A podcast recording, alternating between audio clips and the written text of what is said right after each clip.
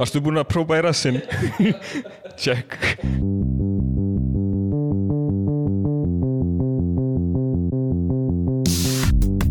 Halló er eitthvað að frétta?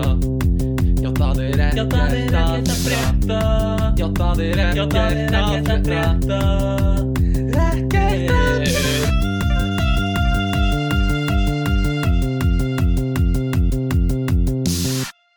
Sklíplopp, sklípit, slíp, slopp Gefðu mér spípóp heilan þinn. Sklíp Hvernig var þetta? Það er mjög sannfærandi. Aha, varstu bara búið það ekki mér uh, Þá til hún byrja að tala íslensku. Um, Velkomin í 40. og fyrsta þátt. Það er engin smá þáttur, ég held að þetta sé þátturinn sem ég hef skrifað mest niður fyrir sem er eiginlega fáránlegt með við umræðefnið sem við erum með. Ég held að ég sé bara á sama báti sko. Þó, ég, þó almennt held ég að þú sért betur undirbúin mm, En ég held að ég sé samt Hafi samt aldrei verið Jafn mikið undirbúin Já, eða með svona einhvern veginn meira Meira undirbúið, já. Já, já mér finnst það mjög fyndið að því þetta er ymmit umræðin sem ég gæti alveg ymmit mér að væri bara svona throw, throwaway sko. En einhvern veginn uh, fóru þetta alltaf fullt sko. Uh, en uh, við byrjum kannski ekki alveg á því strax. Hvað, hvað er fyrir það? Þú ert að vinna bara, Já, ég er bara að vinna Vinna svona gott sumarjobb sko. Taka þér rólega. Já, reyndar einhvern veginn Þú veist, núna er ég svona 8 til 4 vinnu. Mm Og mér líður alltaf bara eins og dagurinn sér búinn Þegar ég er búinn að vinna. Já. Það er bara einhvern veginn Mér finnst eins og vinna ætti bara að vera þú veist, 8 til 2 já, einmitt. 8 til 3 í mestalagi þannig að maður getur nota daginn sem ég da- dagurinn er bara búinn þegar þú ert búinn að vinna. Við vorum að tala um þetta um daginn, mér finnst það ætti að vera partur af bara vinnu degi hjá fólki bara partur af vinnu tíma þess að fara í einhver hreyfingu. Já. Göngutúr, rektin, eitthvað svona. Mm uh, Japanir gera þetta og þú veist, þeir eru náttúrulega með þetta aðeins kannski öðru sem ég var að pæla. Þú veist, þeir eru með bara allir upp á þak að hoppa sundu saman eða eitthvað svona uh, höfuð, herðar, knýja og tær og eitthvað svona en Það er satt líka mjög næmi gert eitthvað japansk bara allir upp Já, á allir upp á núna. þak. núna. Um, og uh, en mér langar að gera þetta bara, þú veist, það er þú fær ræktakort eða þú veist, styrk fyrir rækt og getur Mhm. farið bara í klukkutíma á hvernig degi. Uh, og ég held að myndi auka afkast á þeim tíma sem þú veist skilur, kemur svo í vinnuna. Já, já, um, og þá er bara, já, styttri vin, vinnudagur, það er sjö tíma vinnudagur en klukkutíma fyrir, Mhm. fyrir ræktan en þetta er bara, þetta er það sem ég vil. Um, myndur þú segja að þú værir að njóta en ekki þjóta þessu dagana? Um, Ég stefni að ég að njóta en ekki þjóta en ég er búinn að vera að gera svolítið öfugt undanfarnar vikur hafa verið bara einhvern veginn það er bara pökku dagskrá þegar maður er búinn að vinna. Já. einhvern veginn margt sem þarf að, þarf að gera. Stússa. en ég er svona vona að núna í næstu viku Mm. get ég aðeins Farið að slaka þá Já. en ólíklegt. Nei, og þú heldur auðvitað bara áfram að þjóta. Við erum nefnilega, stofaðin er að fyllast það sem við erum að taka upp núna loksins. Það er loksins að koma eitthvað á veggin svolítið, það er skemmtilegt að sjá það gerast. Uh, ég er svona aftur uh, eins og oft er ég með bara svona einhver random hluti skrifaða sem ég með dettur í hug yfir vikuna. Mm. um, en hérna eitt nýlegt, ég var í á partí í vinnunni í dag.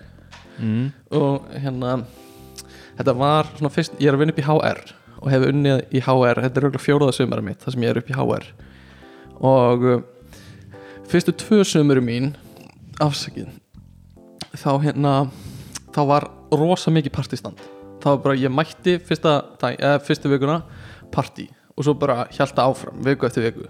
Mm. og þú veist, þá er það eitthvað svona útskriftir hjá meistaranemum eru þannig í byrjun sumars og hérna, skólinn er að klárast og kennir er að fagna Þetta er ekkert, er ekkert partí tengt vinnunni þinni beint? Nei, Þetta er bara eitthvað í háskólanum tengt háskólanum?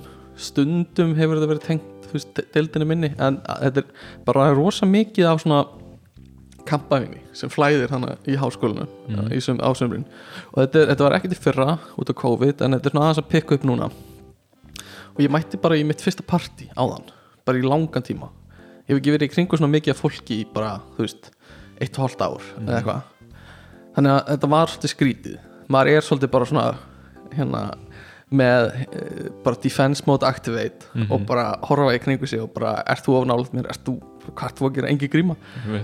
Um, og en þetta var bara heljarina partí. Bara Já. bar og, og DJ og þú veist það var eitthvað svona Hawaii eitthvað svona strandarþema og hérna.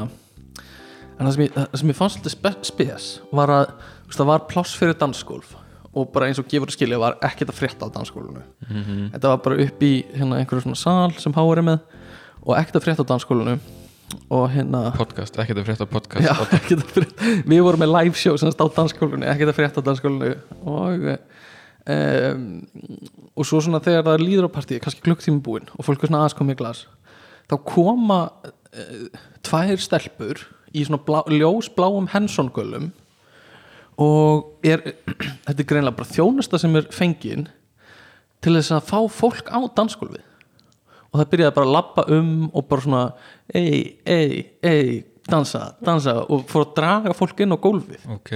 Þetta er bara svona þjónusta sem er fengið til að starta dansskólfinu Og sem er þær- fannst mögn Þær voru ekkert skemmtikraftar þeir voru ekki með neitt skemmti atriði annað er bara, þeir tóku einu sinni kongalínu þess að þeir voru að leiða kongalínu en annars voru þeir bara svona stjórn einhverju dansring og dansreyfingum uh, ekki einu sinni eitthvað svona allir að dansa hérna uh, magarena eða eitthvað svona, ekki þannig bara svona Bara uh, pepparar einhvern veginn. já, bara pepparar. Og þeir voru í hensungölum sem stóðu á dansandi aft, aftan á. Og uh, það- þú veist, fyrir mér lúkkaði þetta bara eins og ég veit ekki, einhverja grunnskólastelpur mest, me, en þekktur. nótabenni er ekki þekktur fyrir að greina aldur af fólki rétt. Og þannig að hérna Þær voru röglega 33 ára. Voru örugglega 33 ára. Um, en uh, mér fannst það bara uh, magna fyrirbæri, ég hef aldrei heyrt um þetta áður. Ekki, Nei, ekki bara svona pepparar til að starta dansskólan að þetta var greinilega fólk sem var borgað fyrir að vera Og hana virkaði það? Já, já, og komið fólk dansskólu og þetta, veist, stemningunum var rosa mikið haldið uppi af uh, svona miðaldra konunum sem voru skipulegja þetta með bara fullri verðingu fyrir öllum sem skipulegja þetta. Þá virtist það vera aðalega konur á skrifstofunni sem voru skipulegja þetta. mm. um, og það er eitthvað svona stóðu með þeim, sko, voru að peppa með þeim bara til að hérna, þetta væri ekki asnalegt. Þannig að, og svo kom fleira og fleira fólk inn í þetta. Þannig að þetta var alveg success hjá þeim. Já, en mér finnst þetta bara magna dæmi. Kannski er þetta eitthvað sem eh, er og hefur verið mjög lengi hjá miðaldrapartíum kannski er þetta alveg þekkt dæmi og maður er bara svona að taka eftir því núna. Ég hef samt ekki ég, ég, ég, maður hefur alveg verið á vinnustöðum eins og bara ja, blöð til dæmis, þú veist, það sem Já. allir eru basically með allra já, uh, ásáttíður og eitthvað aldrei sé þetta og líka þegar við vorum að vinna í hagaskóla það var ekkit svona, það var enda aðeins minni vinnustæður en, Já. En samt þú veist að er Mér finnst þetta, ég veit ekki, kannski er þetta núna til, fólk, til að fá fólk til að jamma ekstra mikið svona eftir COVID en en viltu það endilega? Er það eitthvað ég veit það ekki, mér, eða, veist, þetta er alveg svona þetta kerði alveg smá upp stemninguna. Þannig að þetta var alveg sniðut einhverju liti, ég er samt ógeðslega leðileg típa eitthvað svona, nei, ég er ekki alveg til í þetta, af því ég var edru og bara svona var að spjalla við fólk vinni mína sem eru í vinni, þannig að Eh, ég þurfti smá að vera leðilega típun að segja nei þegar fólk, stelpunum voru byggðum um að koma að dansa. En já, bara snið, það myndi mér svolítið á þegar ég var jólasvein og eitthvað svona upp á sviði með atrið sem var samt ekki atrið bara eitthvað svona bara vera jólasvein. Já, já, þær eru bara svona bara vera að dansa svona, þetta er basically eins og ráða fólk til að fara hann á mittalskóla og byrja að dansa. Þetta er bara Mm, já, já, það um, þannig að mér fannst það mjög skrítið. En gaman að vera komin aftur í partísenna um, en það líka, það hafi verið einhver svona einkennisbúning. Já, þú veist maður hefði þeir haldið kannski eða ímda sér að þeir myndi frekar reyna að hafa þetta svolítið svona svolítið leynilegt einhvern veginn eins og, eins og það sé bara hluta á hóknum en byrjuðu já. bara að dansa. Eh, sko þá komum við eftir að sko, þær virkuðu mjög ungar. Já, þú veist þannig að það hefði verið mjög skrítið ef þetta hefði verið veist, mjög ungar stelpur í venjulegum fötum að bara, ei, stemning hérna eitthvað að þykjast vera Já. partur af veist, prófessorunum upp í há en, en hérna mér finnst það sniðugt sko, mér finnst það mjög góð hugmynd og ég vil ég vita meina- hvort að fleiri hafa lent í þessu ef þetta virkar þá bara gott mál Mm. sko. Herrið, annað sem ég skrifaði hjá mér ég þarf að leiðrétta eitt ég, hérna, í síðasta þætti var ég að tala um uh, að einhver sem þú þekktir eða þú hefðir farið í skimun? Það var ekki ég. Nei, það var ekki þú, ég, ég veit núna hver það var. Uh, það var bróðurinn uh, Nei, einhver sem Já. þekkti mér sinna, sem er ennþá, ennþá magnaðina þannig að þetta er svolítið langt frá mér. En ég sagði að, að hérna viðkomandi hefði fengið sko þegar pinnin fór upp í nefið að sínatökumannskinn hefði sagt gilli gill en það var víst kýtli kýtl Eh, sem er ekkert, ekkert betra. Nei, nei, það er ekkit betra. Uh, þetta er náttúrulega þetta er ekkert kýtlandi það er ekkert kýtlandi við þetta. Nei, að fá svona heila eitthvað krót á sig. Þannig að kýtli kýtl er, er ekkert endilega betra. Uh, sko ég skrifaði líka hjá mér kvefkonan sem var í vinnunni þinni. Hven, hvef konan í vinnunni Já, kvefaða Karen eins og við sko kallum hana. Mér langar, ætla, mér langar ekki að tala illa um þessa konu því að þetta er bara frábær kona sko. en já, hún var bara alltaf veik í vinnunni og satt við liðna mér já þetta var vinnufélagin sem mætti veikur veða veiki vinnuna Já, það er svona það það er, það er illa séð sko á þessum Já, tímum, sérstaklega en líka bara almennt sko. Mhm. þó þetta sé ekki COVID ég, veist, ég vil ekki, fá með kvef. Nei. og svo reyndar fekk ég að vita hún, ég veit henni ekki hvort það hafi verið greint en hún sagði að hún hafi verið með influensu já, já, um, en ég, ég, hún hefur ekki smitað mig neitt sko, nei. Þetta er semst influensu good sko. yngun en ekki kvef Karen e, já, ok. Og uh, já, bara þetta er, þetta er svona PSA, svona public uh, eitthvað. Safety announcement. Safety announcement. Ekki mæta kvefið í vinnuna.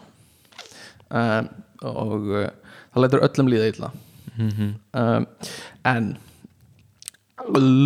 já, annað sem ég hef með skrifað hjá mér. Taka listan þetta er svona, þetta er svona, ég mynda mér að þetta sé svolítið eins og uppistandari sem er að fara yfir nýja efni sitt og tjekka hvort það sé gott á svona tilræðinu uppistandi. En það er líka smá eins og þetta sé sko mikil kvöð fyrir því Mm. svona "Ah, næsta, næsta listan Nei, Æ, ok, hérna tökum þetta og svo næsta listan ég finnst þetta gaman sko en hérna en ég er líka bara spenntur fyrir að byrja á umræðefni þáttanis og reyna að komast í gegnum það svolítið hratt eða komast tanga svolítið hratt af því ég veit að það er mikið til að tala um. Uh, en það sem ég hef með skrifað hjá mér uh, og ég nefndi það við þig í vikunni er, mér finnst steikt að Bjöggi skrifur skýrslur sem enginn les. Mm.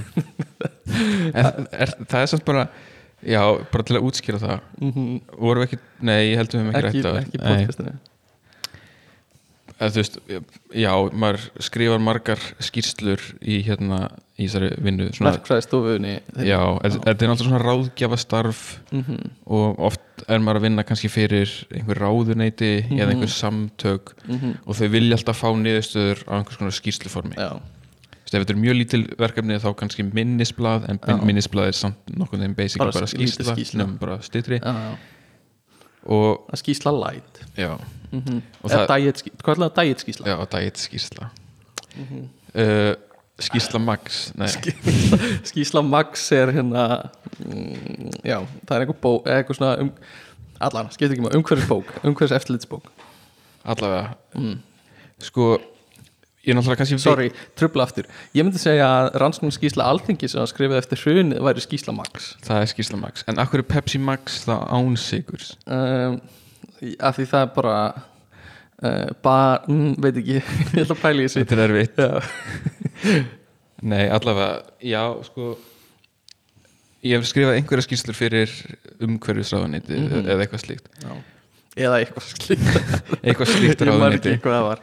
Það var eitthvað og hérna þar ég, ég á erfitt með að ímda mér að Guðmundur Ingi sem að pantaði þessar skýrslur Mm. Já. hafi lesið í gegn nei, nei, nei. ég held að hann hef ekki lesið eina skýslu og þú veist, hann er með, væntalega með einhverja ráðgjafa Mhm. og starfsmenn í ráðunetinu sínu sem kannski lesa þær mm en þú veist, all, allar upplýsingar sem þær þurfa er bara í samantektinni Já. og kannski í umræðunum í lokinu eða eitthvað en þetta er eiginlega bara eins og þegar maður er að lesa vísindagreinar fyrir Mhm. einhver rannsóknarverkefni. -hmm. maður fer alltaf bara beint í conclusions. Uh, og kíkir svo myndirnar Mhm. og þú veist, ef, það, ef maður heldur að það sé ennþá eitthvað áhugavert að þá kíkir maður í, Já, þú veist, results eða eitthvað. Mér finnst bara eitthvað fyndi við það að þú ert að, bara vinna þín er að skrifa ég veit ekki, segjum bara þú veist, 40 blaðsina skýslu eitthvað. Og svo, þú veist ég ímyndi mér að þetta sé svona þú prentar hana út, heftar hana saman lappar með hana á borði hjá yfirmanninum og hendur henni á borði hjá yfirmanninum hann tekur hana og setur honi einhver svona rísastóra svona skjala skúfu þar sem hún- verður bara og ekkert meira. Já. Og Já. enginn les hana þaðan í frá. Maður fær alveg stundum þá tilfinningu eins og með eitt verkefni svona, sem var með, með þeim fyrstu verkefni sem ég gerði að þá hérna þá var, voru hérna, ég ætla ekki að drepa allur leiðindum en þú veist að tala um skýslur í podcastu er gjörsamlega að drepa Nei, allir þetta er samt alveg áhugaverð punktur sko. Ok. kannski segir, segir manni svolítið um það hvernig bara margt gerist í, í svona samfélaginu og kannski þessum ráðgjafa business, ég veit það ekki kannski er þetta á einstæmi Mhm. allavega, við vorum að vinna verkefni fyrir umhverfisafniti þar sem við áttum að komast að því hvernig væri best að uh, fá fólk til að hætta að nota á, ákveðin efni í, í einhverjum svona kæliðunaði Mhm. getur þú talað aðeins meira beintunum í mikrofónu ég get það. Takk. Uh, fá fólk til að nota minna ákveðin efnum í kæliðunaði já, og ein, ein svona leiðin sem er svona, hefur verið notum mjög víða er bara að skatleggja þessi efni. Og svona, það var svona svolítið stóra niðurstaðan í verkefninu var besta leiðin er líklega að skatleggja efnin því að það er það sem hefur virkað í öðrum löndum. Já, en svo kannski svona, ég veit ekki nokkrum vikum áður en við vorum að skila að þá fengum við þær upplýsingar að ráðunæti væri bara búið að ákveða að skatleggja þessi efni. Já, ok. Sem þýðir einhvern veginn að okkar vinna skipti bara einhver máli því það var búið að ákveða þetta. Mhm. en því voru samt að komast að sömu niðurstu en samt svo fyrir þessi skýsla bara og sko, eða það er ekki að lesa hana. Já eða ég veit það ekki. Svo gerðum við reyndar eitthvað svona framhaldsverkefni mm. úr, upp úr þessari skýrslu eða sem sagt upp úr þessu verkefni, bara svona framhald. Og reyndar hef ég síðan fengið þú veist, einhver hérna, e-mail frá einhver fólki upp í háskóla sem hefur verið að lesa þetta og, Vá, það er fyndið. Er Mikill aðdáðandi, Sætti Björgvin Ég sá skýsla sem skrifa hér Mér fyrir. ógislega að fá hann árið það. Nei, en það, fólk sem var hjá Hagfræði stopnun háskólans eða eitthvað var að hérna síðan með eitthvað framhalds framhaldsverkefni eða eitthvað. En allavega, þetta virðist held ég vera svolítið sagan sumstaðar mm. Mér fannst, þetta er veist, náttúrulega eh, vinnan er framkvæmt til þess kannski að ef það kemur eitthvað upp á þá er hægt að tjekka á því. Svona, eins og einhver svona uh, umhverfis úttektir og eitthvað svona umhverfismöt en, uh, en sko það sem ég langaði líka að tengja þetta er bara hvað ég held að séu margir að gera vinnu sem þú veist, sem er svo fer svo bara beint hún í skúfu já, eða þú veist, er ekkert með fullri virðingu fyrir starfinu þínu og ég vissum að þú gerir fullt af vinnu sem er lesin en bara, þú veist, að það sé greinilega fullt af fólki sem framkvæmi vinnu sem er veist, ekkert mikið ég veit ekki, er ekki að skila miklu svona beinu. Uh, algjörlega bara 100% sko. við erum drónar og þjón kapitalismans hérna og göngum í ringi í kringum til þess að láta hjóla atvinnulífsins snúast en stöndum samt í stað um, en ég, þú veist, eins og ég nefndi við um daginn Mm. þá minnir mig að ég hafi séð einhverja rannsókn eða umfjöllunum ranns, rannsókn þar sem var að tala um að 30% af fólki, allan einhver mjög astnarlega há pró, prósenta mm, finnst vinnan þeirra bara tilgangslus og bara þú veist ég gæti Já. ég mæti vinnuna og, Og allt yrði ekki. bara Mhm. eins og það er annars. Alveg klálega sko. Um, já, ég veit ég já, það er svona lúmslegilegt að heyra það en það kemur samt ekki óvart þessi tala.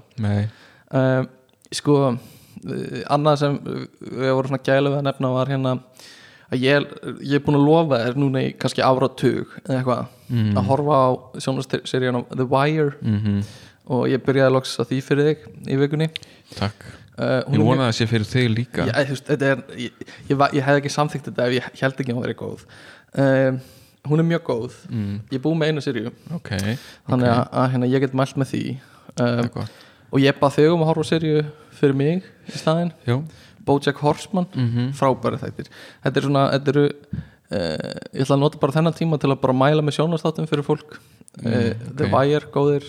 Bojack Horseman, frábæri þættir líka. Mhm. Uh, Bojack Horseman þeir lúka allt öðruvísi en þeir eru sko. ég held að það væri bara eitthvað svona stúpid uh, dýra uh, hérna teknimynda þættir sem er svona lélegum húmor. Þú veist að við erum búinir að tala um Bojack Horseman í þessum þáttum. Sheesh. þegar við tókum existen existential þáttin held ég. Vá, fyndi að þetta er mjög svipaður þáttur og existential þátturinn á mörguleiti Já, alveg ákveðin þemu sko. Allan existential þátturinn ég var með mynda gemveru á coverinu þar mm, og ég verið sannlega með mynda gemveru líka á þessu coveri þannig að Mögulega. Skemmtilegt. Um, en við förum ekki mikið meir út í þá sálmann ef að þú viljir bæta einhverju við. Uh, Sem sagt, sálmana Já, Nei, ég held ég bara en, en síðasta sem við ætlum að tala um áður en að hérna við förum í alvöru dótið er hérna hvað er ekki potta aðtöki þitt? Jú, ég fór í sund um daginn. Já, Ég fór í sund um morgun á virkum degi það er hættulegu tími. Þetta er Bara, virkilega hættulegu þetta var- predator tími Þetta var klukkan svona átta um morgun. Þá eru predatorunir mættir sko. Og þar var hérna, ég fór í grafavagslögina þar sem er endar asnalega mikið af líklum hefur verið stólið þaðan. Heyrðu, já, þetta er framhald af umræðinu sem við tókum í síðasta þætti. Ég var að velta fyrir mér af hverju að vera að skipta út skápunum í, í uh, sundhöllinni. Já, og þau sagði mér að hefur verið að stela svo mikið af liklum Það er greinilega einhver likla stulda bylting líka í grafavænum já 60 líklar Já, stólið Alltaf sé allt úr öðrum, öðrum klefanum? Nei, eða ég veit það ekki. Örgulega ekki allt, en kannski er það svona aðeins ójöfn dreifing. Já, En mér finnst það ótrúlegt hvað fólk er að stela mikið sko. þetta er asnalega mikið sko. Mhm. Eða það- bara númer eitt að stela líkli úr sundlaug er Já. frekar asnalegt. En við fórum alltaf yfir þetta Við, við töluðum um þetta líka Já, þetta er, þú veist, Ég veit ekki, ég myndi að fólk vilja annarkvort taka frá klefan, nei, skápin eða er að hugsa um að stela þegar það er búið að vera í place á liklinum einmitt. En eitt ég viðbútt líka er að hérna uh, Nei, glemdi því. Halda frá Já, ég fór í byrjaði því að fara í heita pottin mm eða, já. Og þar er maður. -hmm. Og þetta er svona, náttúrulega það er bara gamalt fólk hana. ég var lang, lang, lang yngstur. Já, og ég held að, hann byrjaði að tala um og ég held að það væri bara svona, að þetta er bara svona vingjallegur gamall kall. Mm en ég reyndar það fyrsta sem hann spyr mig að er og ég átta mig ekki alveg á því nákvæmlega hvað hann var að spyrja en hann spurði mig basically því hvort að ég væri að fara í skólasund. Þetta er eitthvað frændi minn sem átt að segja ekkert og aldrei fór Ég- og ég sagði bara, félagi, ég er 33 ára Nei, en þú veist hvað því að hann var með eitthvað svona hann hann var eitthvað ekki nógu sáttur með börnin sem eru að fara í skóla hún finnst þau alltaf hávær Já. og hann vill ekki lenda í klefanum með þeim mm -hmm, mm -hmm. hún finnst það mjög óþægilegt að vera í klefanum með, með Ok. krökkunum Já. því að þau eru svo hávær og hún fannst sko að krakkar mm. ætti eiginlega að borga tvöfalt gjald. Já, ok. Því þeir taka svo mikið pláss í klefanum ok. þau eru svo hávær og plássfreg Mhm. þau ættu nú að borga tvöfalt. Já, en allavega, svo fer hann bara að lesa yfir mér. Bara, bara skamma þig? Nei, að, bara ok, svona- að lesa yfir mér röfla. svona predika yfir mér Já, já, um sko ég man svo ekki í hvað röð en hann talaði um sko um hérna að rússar þeir ættu nú bara rétt á þessum landsvæði í Úkrænu Já, krímskaðanum já, og, og örgulega bara allir í Úkrænu það er bara, þú veist, Rússland var bara nei, ég segi Úkræna þú veist, það var bara hluti af Rússlandi. Þú veist, Rússland var bara tilkall mm -hmm. til þessa svæðis. Einmitt. Vá, þetta er- gott teik já, Þetta er gott teik hjá honum? Þetta er flottir þessi? Ok, og svo bara svona ég hef aldrei heyrt jafn mikla svona útlendinga andúð Já. bara í beinni útsendingu sko. ok. Og bara beint yfir þig líka. Já þú veist, hann var kannski ekki að skamma mig. Hann var bara, hann var bara að segja hvað hún finnist og hún fannst þetta allt svo augljóst. Mm uh, þú veist, útlendingar -hmm. eru bara að taka yfir. Já, þeir eru að taka yfir Ísland og, og Íslendingar þeir eru ekkert að gera neitt í því. Nei. Þeir bara láta þetta yfir sig ganga. Mm Heimsku Íslendingarnir. Og svo mun koma að því að hérna muslimarnir eða einhverjir útlendingarnir, pólverarnir bara einhver sem er ekki Íslendingur munur bara taka yfir.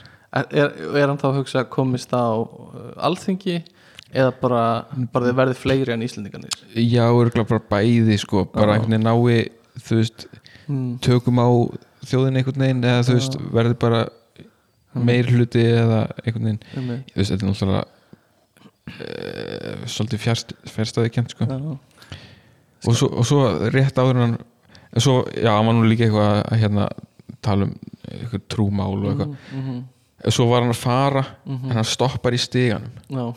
Á leiðinu upp pottin, snýr sig við. Eitt viðbót og Eitt eitthvað svona þú ætti nú að lesa Guðspjall.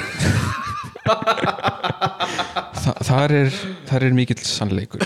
Eitthvað svona og, og fer bara með einhver svona vers úr biblíunni. Já, já, já, já, minn maður og, og, og, og ég, veit, ég veit aldrei hvað ég á að gera í svona aðstæðum. Ég er bara, já, Já, amen. Já það, er, það er gott góð hugmynd, ég gerir það. Ok, Vá, fyndið. Þessi gæi er svona uh, típiskur Ok, fyrsta lagi. Hann er pottitt gæi sem trúur á geimverur. Bara til að tengja við umræðefni alveg uh, er það svona, típ, svona sama típan? Um, en, en líka ég veit ekki þú veist, ég veit ekki hvernig maður díla við svona fólk af því það er svo örugt í skoðunni já, ég meina, þú ert aldrei að fara þú veist, breyta þeirra skoðun Nei, þú veist það væri uh, þú veist ég veit ekki maður á kannski bara að fara á mótið bara til þess að þú veist standa upp fyrir já þú veist, því sem maður heldur að sér rétt. Já, já, það er alveg, þú veist, pæling sko. Ég held uh, já svo hjælt hann líka að, að COVID væri það sem hann kallaði bara það væri bara einhver tilbúningur. Já, en hann fór samt í bólusetninguna af einhverjum félagsþrýstingi Mhm. því að sýstir hans og, og einhverjur voru svona nei, voru bara svona þrýst á hann að fara Mm. og hann fór en sá eftir því. típist, hann hef, hefði ekki átt að gera það. Þú veist og núna tveimur mánuðum setna og hann ennþá vilt í hendinni eða eitthvað svona, sagði hann. Og hann, hann á eftir að deyja eftir þrjú ár. Allir sem eru bólusettir deyja eftir akkur þrjú ár þrjú ár frá bólusendingu. Uh, en það sem ég ætla að segja sko líka er þessi maður þrýfst örugla á pottastemningunni og fá plattformi sitt. Já, annað sem ég ætla að segja er ef að Sókrates, Plató og Aristoteles veru uppi í dag væri þeir að predika í heitum pottum. Ja, ekki spurning. Bara bókað. Þeir væri allan daginn í Þau hitapottum væru allan daginn í heitapottinum að predika yfir fólkinu. Mhm. uh, þannig að ég ætla ekki dæma hann mann of hart hann gæti verið Plató og okkar okkar tíma. Hún ekki. Ég vona ekki. Um, En já, ég held að uh, Ég held að svona fólk uh, sé auðtrúa. Eða þessi maður er hérna uh, er greinilega tilhörnastofu COVID kenningar maður mm og uh, ég held oft að þú trúir einni svona samsæðiskenningu þá trúir, ok, fyrsta lagi uh, ég veit ekki hvað ég á að segja að því hérna það er eins og þessi tilhörnastofu kenningar að fá einhvern svona byrjundir báða vangi þessa dagana. Já, já, að miklu leiti um, allt er góðu fínt að rannsaka þetta. Uh, uh, hinga til hefur ekkert bent til þess Mhm. en að bara, ég er bara all for að rannsaka það meira. Um, en fólk sem er sko örugt um það Mhm. er samsæðiskenninga fólk ég vil bara svona greina á milli þessara hópa Mhm. þessara fó- fólki sem er bara þetta er, þetta er svona Mhm. ekki fólki sem er alltaf lagi að skoða þetta um, þannig að hérna og, og, og þessi gæi virtist vera bara þetta er Mhm. sæjop, þetta er bara búið til til stofu sem vopn og bla bla bla uh, og þannig fólk held ég að sé líka mjög gert á að trúa öðrum samsæðiskenningum Mhm.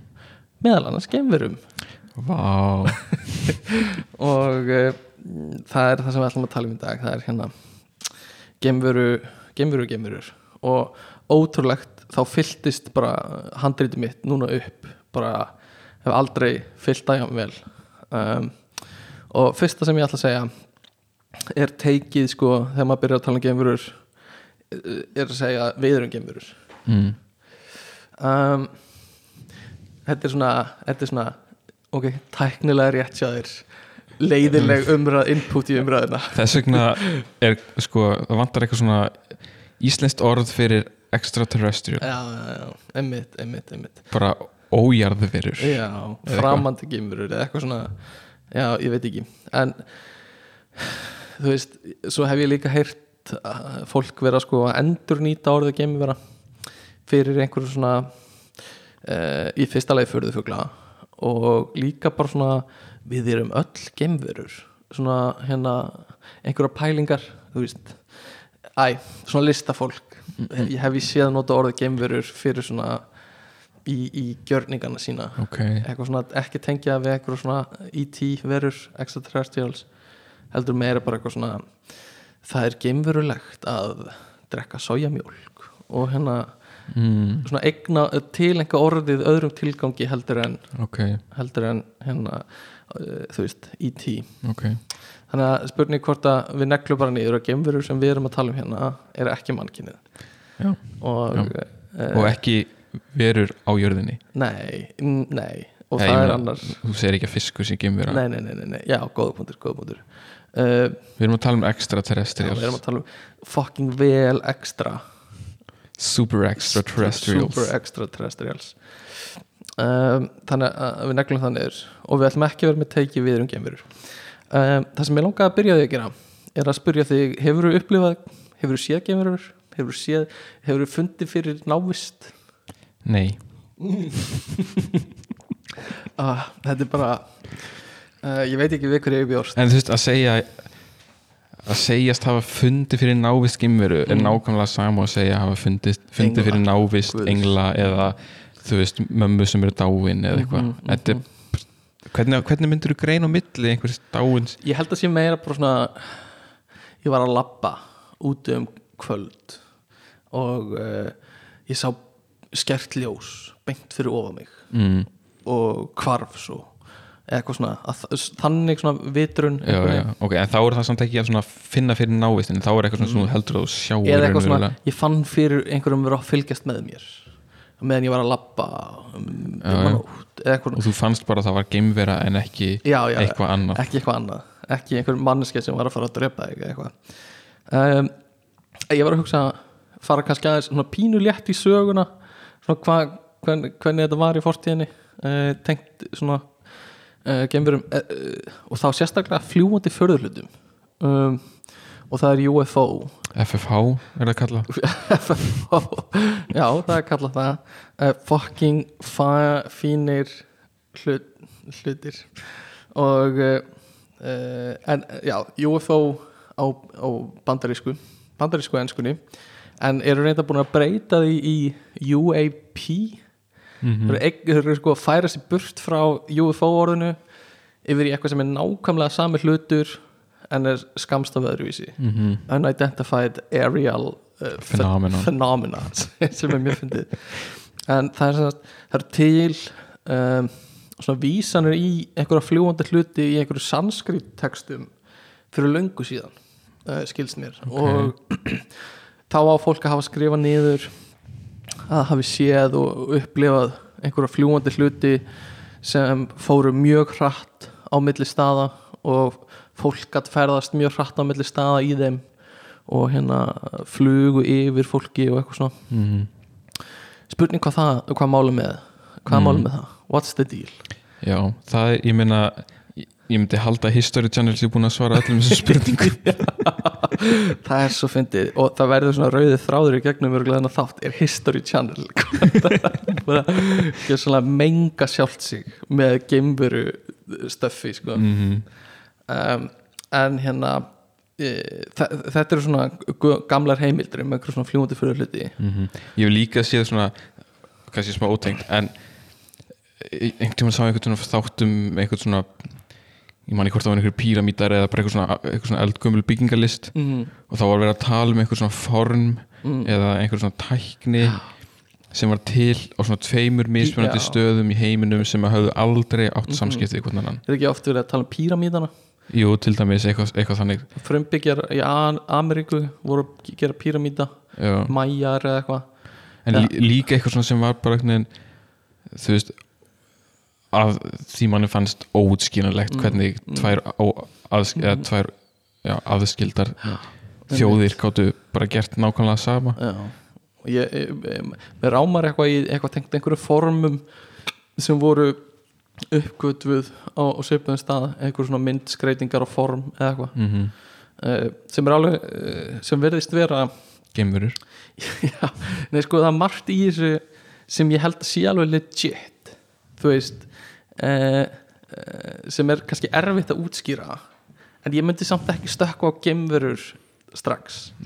Veist, og eins og með svona einhverja sanskrit pælingar og UFOs og eitthvað sem veist, ég trú alveg að hafi gerst og sé alveg, þú veist, það er enginn að feika það að hafi séð einhverju svona UFOs mm en, en ég held að útskýringin sé ekki gemurur Nei, og það virðist, virðist vera ólíklegt. Ég meina, UFO er bara unidentified, Mhm. unidentified flying object veist, það segir ekkert meira en það bara en að við sáum þetta, við Já. vitum ekki hvað þetta er. Ég meina þetta er í orðinu furður hlutur. Finnst að Íslendingar hafi þýtt þetta sem furður hlutur í staði fyrir unidentified. Það er það sem uh, já, það er það sem þetta er furður hlutur. En hérna allavega sanskrit er svona í gömlum handritum. uh, sem ég er ekki alveg með ártal fyrir en fyrir löngu síðan. Svo bá hann svo erum við með sko einhverja svona sögur af uh, í, í kirkju einhver stæri kringum 1100 uh, hafi fólk uh, verið í einhverju aðtöfnmessu eða eitthvað og svo fyrir utan orðið vitni að því að eru læti og uh, fólk fyrir út og þá sér það fljúandi hlut, förður hlut, getur við orðað. Vá. beint fyrir ofan sig. Og uh, það er einhver vera sem verða hann líka. Hvort hún komi út, þau sjá hann að koma út úr þessu faratæki var Og- það það mætti segja að það verið furðurlutur vera, faratæki, já, jafnvel úr geiminum einhver vera ítluga já, einhver svona vera ítlu úr geiminum geim vera ítlu og hérna já, pældu í því. Ef að ítlugi hefði fundið geimveru og skýrt hann að vera. Og það er geimvera allan allan og hérna mm, fólki sem er einu í kirkjunni kemur út og allar að ráðast á geimuruna en hérna presturinn eitthvað svona ó nei nei nei nei nei leifið henn að fara í friði. Og þetta er einhver saga að hérna að einhver svona prest, eh, kirkjufólk hafa verið að vitna þessu. Uh, og, og, og the father presturinn sem sagt hafi stoppað einhver ílindi og svo flög þetta brott og þetta var í kringum 1100 og svo eftir það hafa verið alls konar svona sightings af einhverju svona förðu fljúandi einhverjum hlutum. En eh, þetta hefur fengið bara svona þetta fekk algjört búst í kringum eða svona á eftirstrísárunum 40-50 og tengt oft hérna kaldastriðinu sko. Uh, og tengt Roswell uh, atvikinu sem við fyrir kannski betur í eftir er ég 50, 51 51 51 uh, og, og hérna þá fór þetta allt á sko flug. Fljúandi furðflug fljúandi förðuflug og hérna eh, við förum aðeins yfir það sko. En síðan já, á eftirstríðsárunum þá hérna frá svona 48 til 69 eða eitthvað svo leis uh, svona cirka nákvæmt ártal. Og uh, þá voru tilkynnt fullt af sagt uh, fljúandi förðulutum hvernig segir þetta veri 48 til 59, þetta er svona 21 ár eða eitthvað svo leis ok, þetta er svona cirka nákvæmlega það. Mhm. og uh, uh, þá var tilkynnt fullt fullt af hérna förðurlutum og það hefur verið gert. Og bandaríski herin tilkynni sjálfur uh, ef þeir verða að vitna einhverju, í einhverju tilrunaflugum eða eitthvað.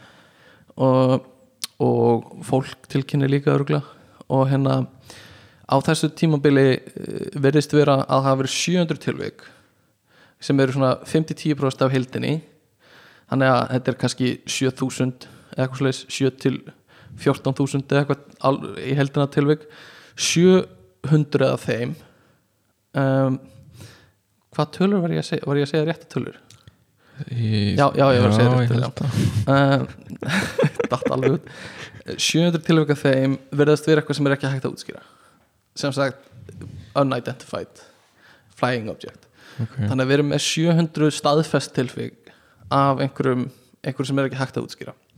Og þetta kemur víst á að koma frá þú veist, reliables veist, sources og bara frá mataríska hernum sjálfum. Mhm, og þeir eru ekkert að fela það að það eru til hlutir sem þeir veit ekki hvað er. Mhm. og það, ég hugsa að það hafi kannski var það einhver tíman eitthvað hérna svona tabú innan hersins að tala um það en þeir eru alveg búin að gefa það út núna.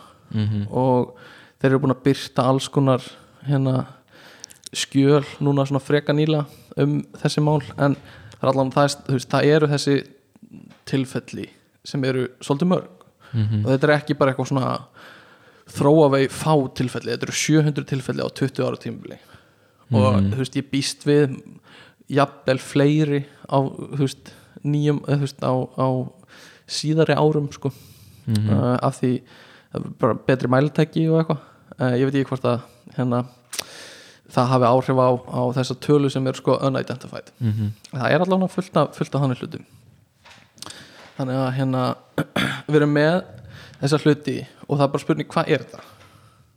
Mhm. og ég sendi þér myndbönd til að horfa á sem 60 mínútur voru að gefa út nýlega. Mhm.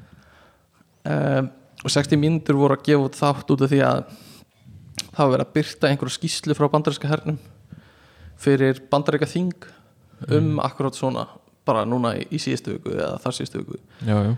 Um þessa uh, UAPs s- sem er basically bara uh, 20, 21. aldar orðir yfir UFOs Mhm. um, að, að það er fullt af þessum hlutum og uh, það er það eru fólk sem hefur komið fram sem var, eru flugmenn í hernum og það var einmitt fólk sem var að tala í þessu 60 myndna viðtali Mhm. um, sem var að segja frá sinni upplifun af því að hafa verið að fljúa og orðið vitni af einhverju hlutum sem við gátum bara ekki útskýrt Mhm. og það sem virtist verið að gerast var að þetta var einhvers konar förður hlutur sem var að taka bara uh, hraðanir sem virtist bara ekki eiga að vera hægt að gera. Mhm. bara allt í einu skjótast í aðra hverju áttina. Stefnu, mikla stefnubreitingar mikill hraði upp niður. Oft er þetta undir sjávarmáli.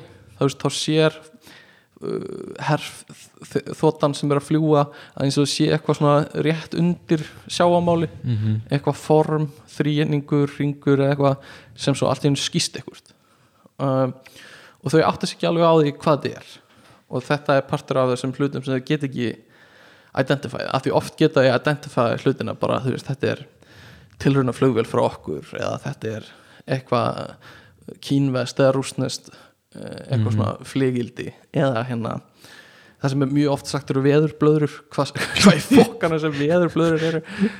Það er, er svona típiskasta afsökunin sem herin gefur held ég. Þetta voru veðurblöður Já, eina af þessum fucking viðurblöðurum endalistu veðurblöðurum um, það er mjög típisk afsökun. Þannig að hver er skoðan þín svona hinga til? Bara what the fuck is going on og, og ok, sorry á, ég spyrði þig oft og svo kvæta ég á það. En ég ætla að segja líka bara uh, það er svolítið svona, það hefur verið smá að gerast í þessum heimi bara núna á síðasta, síðasta árinu. Það er eitthvað að byrtast af einhverjum upplýsingum sem voru áður classified og hérna þú veist, þeir eru að tala um að þeir veit ekki hvað er þeir geta, þú veist, basically að segja að þetta er ekki gemverur, við vitum bara ekki hvað þetta er. Mhm. og þeir orðaða bara þannig að við getum ekki það sem segja er eitthvað svona við getum ekki staðfest að þetta séu ekki gemverur sem lætur að hljóma eins og svona eins og svona, það verið gemverur, þið verðið að trúa eitthvað svona, en hérna það er það sem ég hafa verið að segja undarfæri sko, er það, að það er náttúrulega örgulega margi sem að heyra setninguna uh, já, við getum ekki staðfest að það séu ekki geimurur og fólk hugsaðar 90% líkur að það séu geimurur þetta eru geimverur, þið bara get ekki þið bara þú ekki segja þau veit að þetta eru geimurur, þau meg bara ekki segja. Þið mega bara ekki segja uh, þetta er alveg áhugavert sama hvað þetta er, finnst mér. Um, já, ég meina ef að lýsingarnar eru réttar og þá augljóslega spyr maður sig hvað í anskotunum er þetta. einmitt. og það er hérna ég, ég er svona aðeins að melta í hvað röði ég á að fara í gegnum þessa hluti sem ég ætla að tala um. En það er þessa þú veist, já, fyrsta leið, mér finnst það svolítið spennandi. Hva, hvað er að frétta því? Þú veist, uh, þetta verðast á að vera kannski kínverskar eða rúsneskar uh, já, einhver flygildi sem eru á bara mjög háu teknilegu leveli eða eitthvað sem bandaríkjumenn eru að þróa og þeir þú veist, sem herin er að þróa má ekki segja fólki frá sem er líka svolítið spennandi eða þú veist bara eitthvað ljós uh, sem er að endur kastast á skrítin hátt og eitthvað svona. En það sem verðist þú að gera er að uh, fólk er að sjá þetta og það eru einhverju mælar að pikka þetta upp. Mhm. sem svona gefur, gefur skina að þetta sé ekki bara einhver sjónkverfing um, en þetta virðist vera eitthvað sem er að reyfa sig á mjög svona uh, já, skringilegan hátt og áhugaverðan hátt með einhverjum reyfingum sem við áttum okkur ekki alveg á. Einmitt. Þú veist, ég heyrði einhvers staðar að á sex nei, sko á einni mínútu við eitthvað hefði eitthvað þessu fyrir bara um þú veist, ferðast 60 kilometra Sex, já, 60 mínútur. mílur eða eitthvað. Já, bara einhverjum örfáum sekundum sko, eða mínútum mm, mm, sem náttúrulega fáranlega hraði. Og, og að röðunin sé líka bara out of this world. Out of this fucking world. Já, uh, þannig að það er en, en ef, segjum allir séu bara þú veist, einhver einhver hérna tæki frá einhverjum öðrum þjóðum. Mm þú veist, að, það hlýtur að hafa orðið hrikalega mikið bara svona bara svona framfara stökk já, þetta er svona Wakanda dæmi sko. veist, það er ekkert eitthvað svona það er engin svona stöðug þróun heldur bara þú veist, kínverjar eru að gera flugvélar eins og allir aðrir og svo allt í hennu bara búm, komnir með þetta tæki. Einmitt. Og þú veist, eru með það þú veist, eru með það við ströndina hjá bandarækjunum þar sem að bandarækjumenn geta augljóslega séð það, ok, þeir geta kannski ekki útskýrt það mm en þeir sjá það og vita af því þú veist, en þá kemur líka sko pælingin. Er kannski svona þessi stjórna heiminum hafa er kannski miklu meiri tækni uh, heldur en þeir eru að gefa upp eða þú veist gefa almenningi og eru hægt og rólega að kynna okkur fyrir nýjum tæk, ný, nýri tækni en hafa í rauninni getuna fyrir alls konar. Þetta er góð samsæriskenning.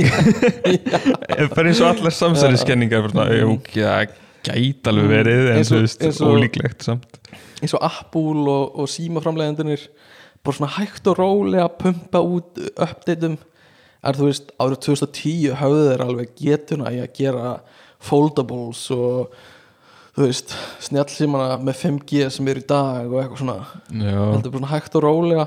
Heldur þú, ok, burt sér frá samsæðiskenningum bara svona, bla, ætla ekki að fara í það. Heldur þú að sé samt eitthvað til þessu?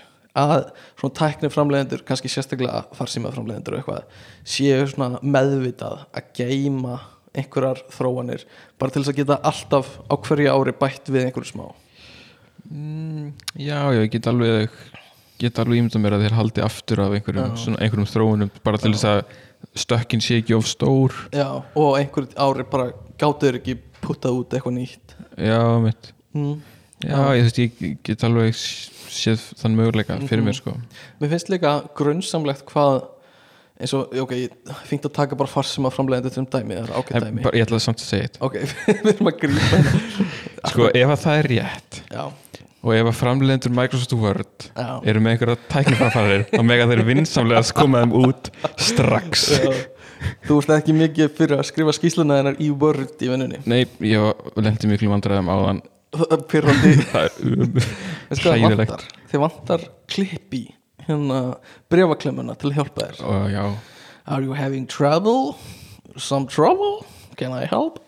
Um, en það sem ég ætlaði að segja var að hérna uh, ég held að nú, ég er búin að gleyma. Sorry. Það er svo mikið hausnum á mér núna og ég er með svo mikið skrifað niður að, að hérna, þú ert með svo mikið skrifa niður en Já. það er líka í það er hausnum á mér. En já, við vorum að tala um Apple og hérna Android. Já, já, það sem ég ætla að segja það er svolítið grunnsalegt líka hvað sko, þessi símaframlegendur er á hverju ári með svipaðar þróanir. Þú veist hvað er alltaf svona er alltaf svona, að gera mjög svipað. Að þú veist, svona catch up á hvern annan og hérna það fer enginn beint mjög mikið fram úr hinum á hverju ári. Nei. Veit ekki. Um, e, þetta er samsæðiskenning e, búin til undirskriftalista. Samsæðiskenningur undirskriftalista. Um, mm, mm, mm. Við erum ekki að tala um það. Við erum að tala um fljúandi flíildi förðurhluta og uh, það var mm, sérfræðingur, doktor sem fer að vinna fyrir bandarinska herin og hann er það segir kalla, kalla þetta eru uh, ufologist. Uh, er bandarinska orðið yfir þetta? Mm. UFO-logist. Ufologist. Og það er sagt að hann sé fyrsti þannig sem er svona sérhæfis í þessu. Og þetta, ég man ekki hvað hann heitir en það virðist hafa verið svolítið klárkatt sko, ekkert eitthvað vittlisingur sko. Og hann fyrir að vinna fyrir bandarinska herin og tekur við þessum það sem við getum sagt vandamálum af þessum hlutum sem er ekki hægt að útskýra. Og hann fyrir að leggjast yfir þessi þessi hérna tilfelli og hérna þessi klárikall sem er doktor í einhverju e, vísindagrein, veit ekki. Með PhD í vísindagrein. Og e, hann kemst að þér í neðustöðu að þetta eru líklega gemurur sem er svona eitt strá í hattin fyrir samsæriskenningafólk mm. eða hvað getur við sagt? Við getum sagt að þetta sé uh, ein álpapírs eitt álpapírsblað í hattin fyrir samsæriskenningafólk Mm. uh, svona álpapírsörk þannig að hérna uh, þau hafa nýtt sér og bent á þennan mann svolítið mikið af því hann virtist vera svolítið klár sko. Mhm. og það er fólk sem virðist vera svolítið klárt sem hefur trúað þessu sko. Mhm. um, en það sem er mér finnst svolítið fyndið að horfa á viðtöl, myndbönd um, sem er með þessu fólki sem trúir af því þú veist, sama hver þú ert þú lítur út fyrir að vera nutcase Mhm. bara, það er bara sorry það kem, kemst ekki hjá því að lúka eins og nutcase þó þú sért eitthvað alright, we just have to follow the empirical evidence there are and, and the United States have said it there are alien, there are UFOs og eitthvað svona þá hugsa maður samt bara strax þessi gæði er eitthvað, eitthvað skrítið við hann gæði sko. Bara, þó þú sért bara að reyna að fylgja einhverju gögnum. Uh, þannig uh, já, en, en hérna allan, þetta er svona intro að, að hérna uh, UFOs uh, þá spyr ég þig what the fuck is going on Það er náttúrulega bara eitt raugrætt svar. Þetta, þetta eru bara little, little green man. Já, já, þetta eru bara litlu græni kallarnir í, í kúlunum sínum. Eða í svona ringla förum sko. Það er bara, já, nei, ég meina þú veist ég meina ef að bandaríski herin getur ekki útskýrt þetta Mhm. þá ætla ég ekkert að reyna að vera það heldur Nei, sko. en það það, er já, hvað það er þetta er bara erfið spurning svona til að kasta á mig sko. Já, þetta er það um, En það eru líka nokkur myndbönd sem hafa verið að byrtast og einhver frá þessi sem við vorum að tala um þessir uh, pælóttar hjá hernum voru 2006, myndbönd frá 2006 það sem verðast að vera svona að reyna að lock on og svona Mhm. fylgja eftir einhverju svona fyrðuhlut þannig að hérna, það er svolítið þetta er svolítið svona ef maður sekkur sér vel og þetta getur þetta orðið svolítið creepy af því þetta, það virðist ekki vera negin skýring á þessu.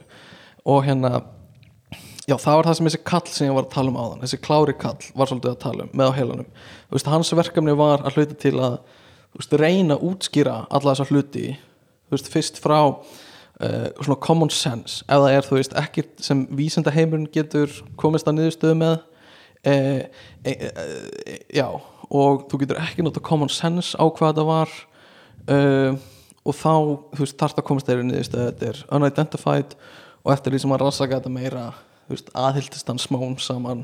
Smá svona geimveru, svona pínu að, smá, smá netcase eh, pínu, pínu pás. Svona geimveru kenningar sko.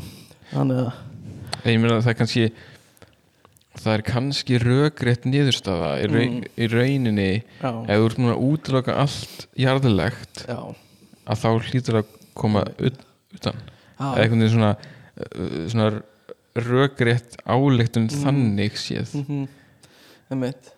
Um, annað sem ég langar svolítið að tala um er það er mjög ó, ólíklegt en ef svo vill til að það er einhver að hlusta á okkur sem trúir á geimverur oh boy, are we in for some shit sko. Ég, ég held að þetta fólk sé svo með svo sterkar skoðanir. Hvað áttu við þegar þú segir trúir á geimverur? Ertu Æ, að meina fólks, svona- eða ertu að meina að allt geimverur hafi komið og er bara að trúir svolítið á UFOs að það séu geimverur og Já, það séu já, til ok. og við höfum séð þær. Og hérna mætir á Alien Con, eitthvað svona conference og eitthvað svona Mhm, mjög sterkar skoðanir á þessu. Og þá eftir að koma bara fyrir fokkin bulla þið veitir ekkert hvað við erum tala, uh, hvað er að tala um. Sem er rétt. og fyrir þau þá ætlum ég bara að segja að það er alveg hárrétt hjá þér. Við veitum ekkert hvað við erum að segja. Um, en hérna við ætlum samt að segja uh, trúur á geimverur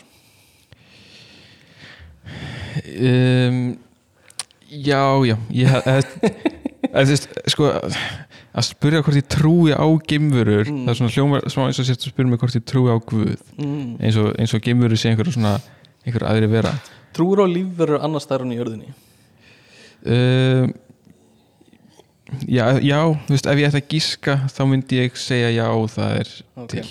En þú veist, en svona, svona semi skiptir ekki máli sko.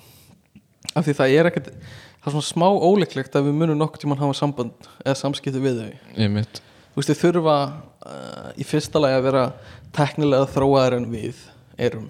Mm uh, sem er, þú veist, ég ætla ekki að klappa sjálfur mér ómegi á baki en þú veist, við erum alveg svona þokkalega teknilega þróið af þeim verum sem við þekkjum um, þokkalega þokkalega og, og við þurfum líka að vera það þróið að geti, þú veist, ferðast á milli og haft samskipti á milli Mhm. gífurlegra fjallega þannig að mm.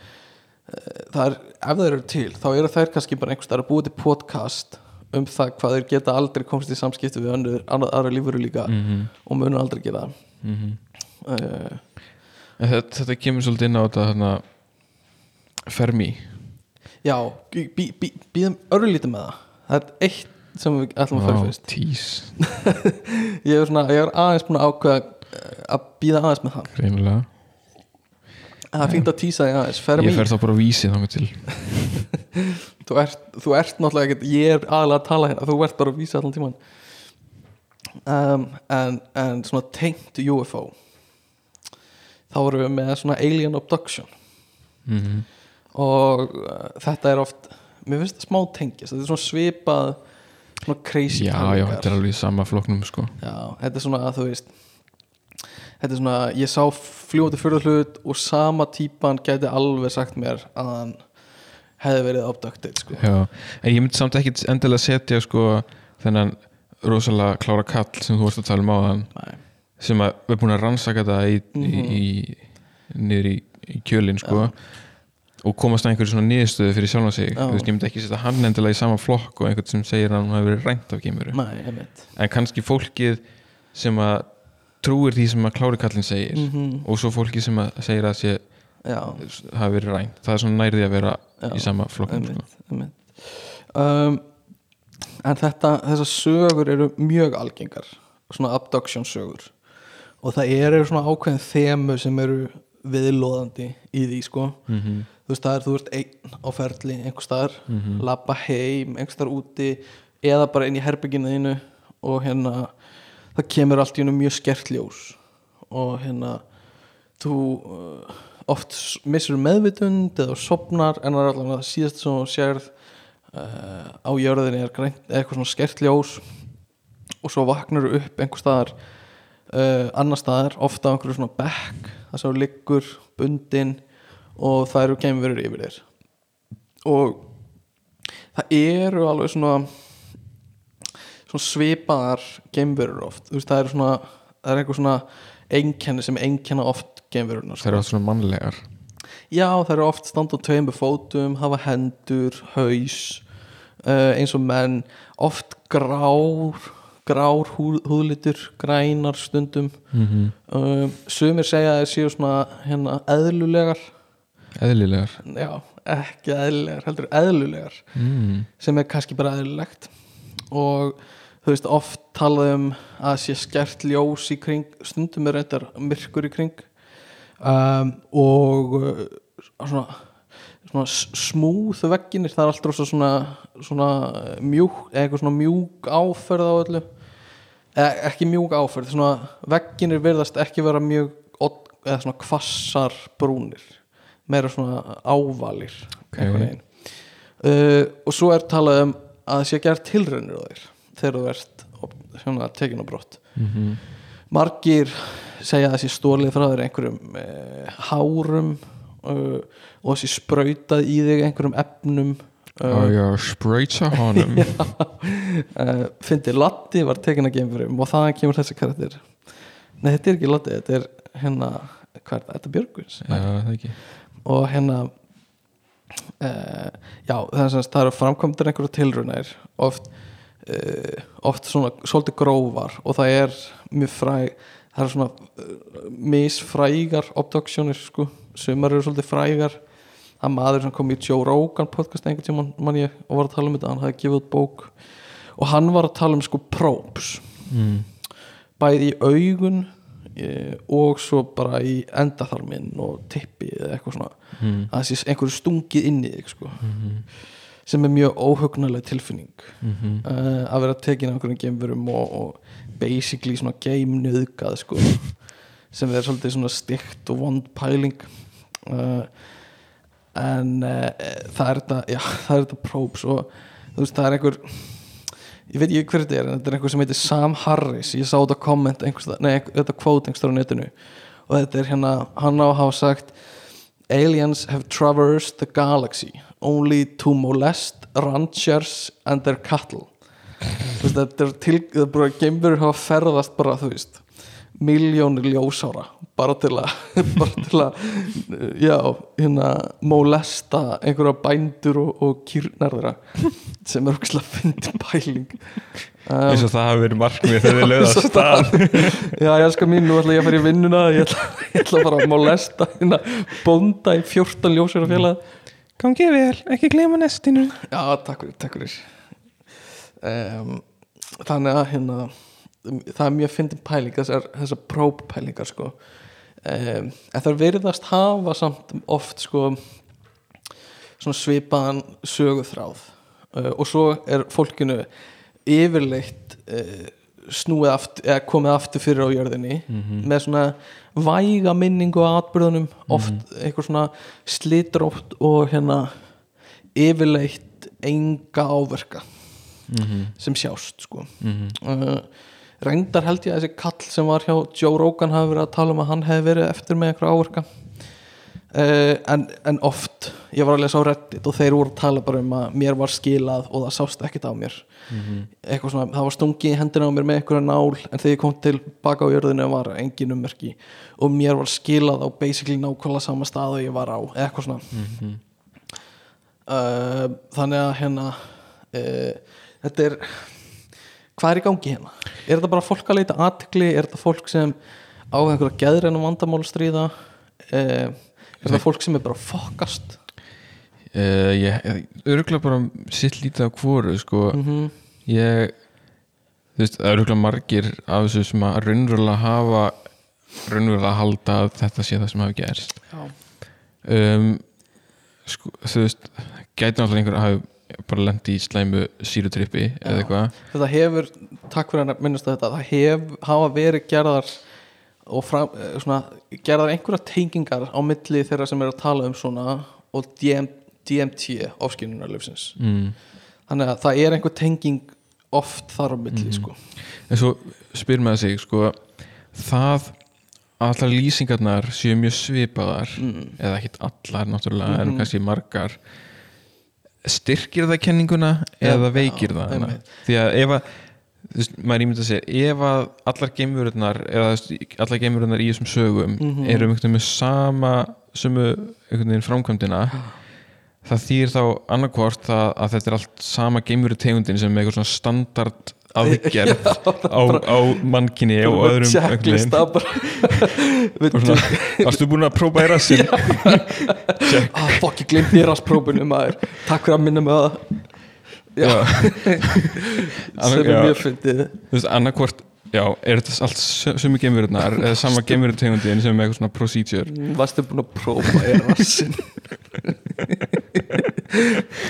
og hérna, eða þá sem væri ennþá skrýtnara Já. það séu margar tegundra geimurum sem allar eru samhæfðar í aðgerðunum sínum annarkvort kannski er þetta bara kannski er það er bara svona ógæslega þróaðar Mm. og þetta er besta Veist- leiðin. ó, já, bara óháðar annar það er bara komist allar að því bara, ó, bara sjálfstætt.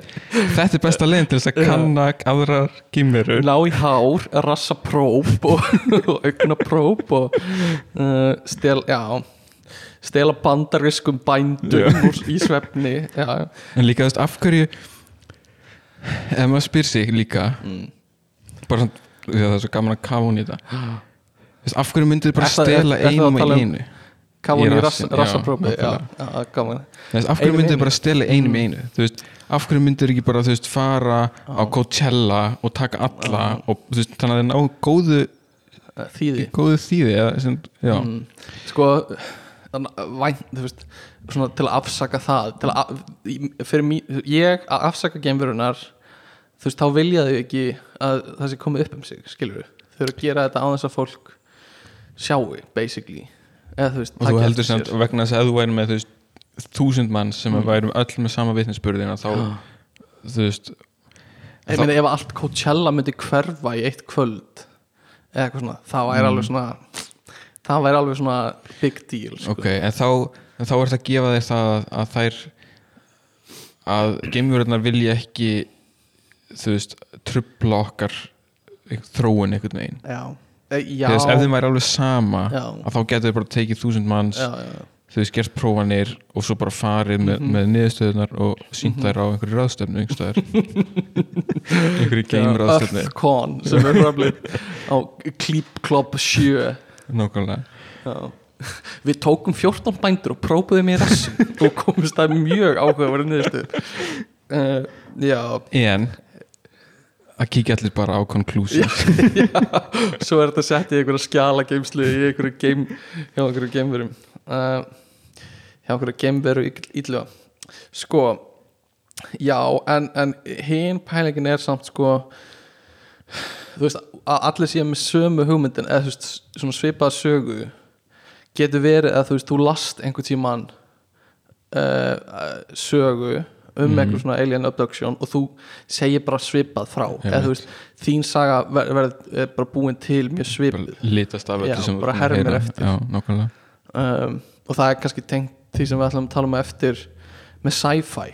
Mm þú veist uh, þú veist upplifun okkar að gemverum litast öruglega rosa mikið af pop culture, bíómyndum, þáttum. -hmm. uh, svona hve- hvernig hugmynd okkar af geimverum er uh, þó að þú veist það gæti verið að ef það eru til geimverur þá eru þeir bara af þú veist, bara einhver allt öðrum hérna uh, já, bara tilvist Mhm. bara einhverju fjórðuvítar tilvist sem við höfum ekki skilning af Mhm. eða er einhvers konar spagetískrimsli eða eitthvað skilur Mhm. bara við áttum okkur ekki á því hvað þau eru uh, af því þau eru að svo mi mikið öðru sem við og kannski eru til einhvers konar lífform sem eru ekki materialísk Mhm. basically, sem eru Mhm. þú veist uh, já uh, ég veit ekki hvort það er hægt að vera með einhvers konar öðruvísi tegund af meðvitund eða consciousness sem veist, við áttum okkur ekkert á Mhm. og það eru kannski einhvers konar geimverur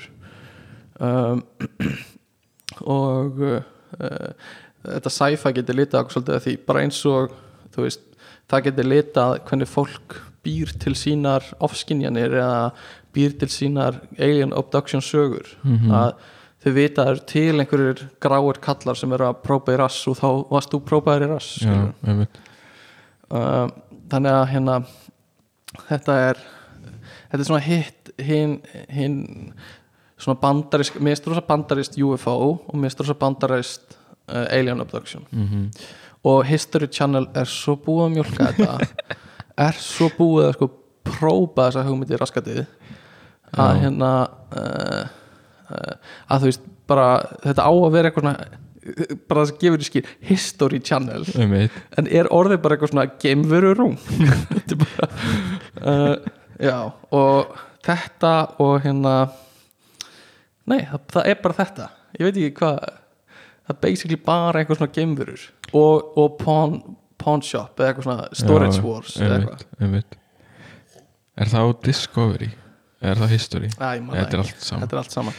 Um, en já, ég var með hérna ég, svona reddit ég var að skoða reddit og gá hvort einhver geti komið með eitthvað svona áhugaverðar alien abduct, abduction sögur fyrir mig. Ég veit ekki hvort, hva, hvað finnst þér um íslensku? Við að reyna að halda okkur við bara mjög góða kjarnirta íslensku? Uh, ég verð að viðkjanna mér finnst það sjálfur miklu skemmtilegra Mm. bæði að hlusta á og hérna Ok. og tala. Ok, en þú veist, ég ætla ekki að hérna rít skoða þig sko. Nei, nei, mér finnst alltaf leið uh, þetta er bara oft tengt bandarinskri menningu allan við erum með hérna svona uh, brotnám geimvera uh, sögur á reddit mm eða hérna lestuða.com eins og við eins og við þýðum á íslensku. Eða meira las lasta, las, lasta og hérna e, þar segir einhver að hann sé hafa verið að keira í bílunum sínum uh, í bandaríkjunum. Hva, nema hvað? Í miðríkjum bandaríkjana mm, og hérna hann var að keira uh, einnum nótt og uh, svo allt í nú skert ljós, numin og brott. Og hann hefur svona vægar minningar af þessu. Þú veist, ekki heilar minningar heldur bara svona minningabrot einhvern veginn mm, hljómar eins og draumur. Já, basically eins og draumur. Og hérna, hver veit nefnum hann hafi sopnað við stýrið eða eitthvað. En, og segir svo svona rosa klassiska, svona típiska geimveru sögu, hann var hérna, þau tóku DNA frá honum þau potið einhverju í hann þau hérna tóku blóð og eitthvað svona. Og uh, nei, ég man ekki hvort tóku blóð en allan og það var svona, þú veist, gráar geimverum með stóra augu, putta frekar man, mannlegar líkingu manns og uh, uh, já og svo vaknaði hann bara á veginum aftur fyrir utan bílu sinn og hérna og, og, og segir eitthvað svona ah, hérna ég þóri alltaf að posta þessu en ég ætla samt að gera það, ég ætla að posta þessu á reddit en ég veit að það verður gert grína mér og eitthvað svona. Mm þannig að uh, veist, ég, ég trúi mögulega alveg að hann trúi þessu skilur -hmm. ég veit ekki ég, ég, þetta er svona svipað á með miðla. Mm uh, svona psychics miðla. Hérna uh, að veist, ég veit ekki hvort ég trúi að miðlar trúi því sem þeir eru að segja. Ég held það er einhvern veginn vegna að setja svo mikil svona tækni sem við nota Mm. viðlar já, að þeir, þeir hljóta að vita hvað, veist, þeir hljóta að vera með þetta um það hvað þeir eru að gera. En þú veist, trúa trúir Þórhallur miðill að hann hafi einhverja svona hæfileika? Eða, er, eða eru þeir allir bara me, með innónið að þeir sé að fokkast og græða pinninga ég held þeir eru bara svikarar held ég sko. Þú, þú heldur að hópa. vitið það? Já, Aha, upp til hópa. Já. Heldur að, heldur að enginn trúi því sjálfur að hann sé jú, örgulega einhverjir en ég myndi, ég myndi halda þessir svona bestu og vinsalustu Mm. séu vel með þetta því þeir þurfa veist, þeir þurfa að vera búin að æfa sig í þessari tækni mm -hmm, mm -hmm. og Já, til þess að einhvern veginn æfa sig að þá þarft að vera meðvitaður um það hvað það er sem þú ert að gera Já.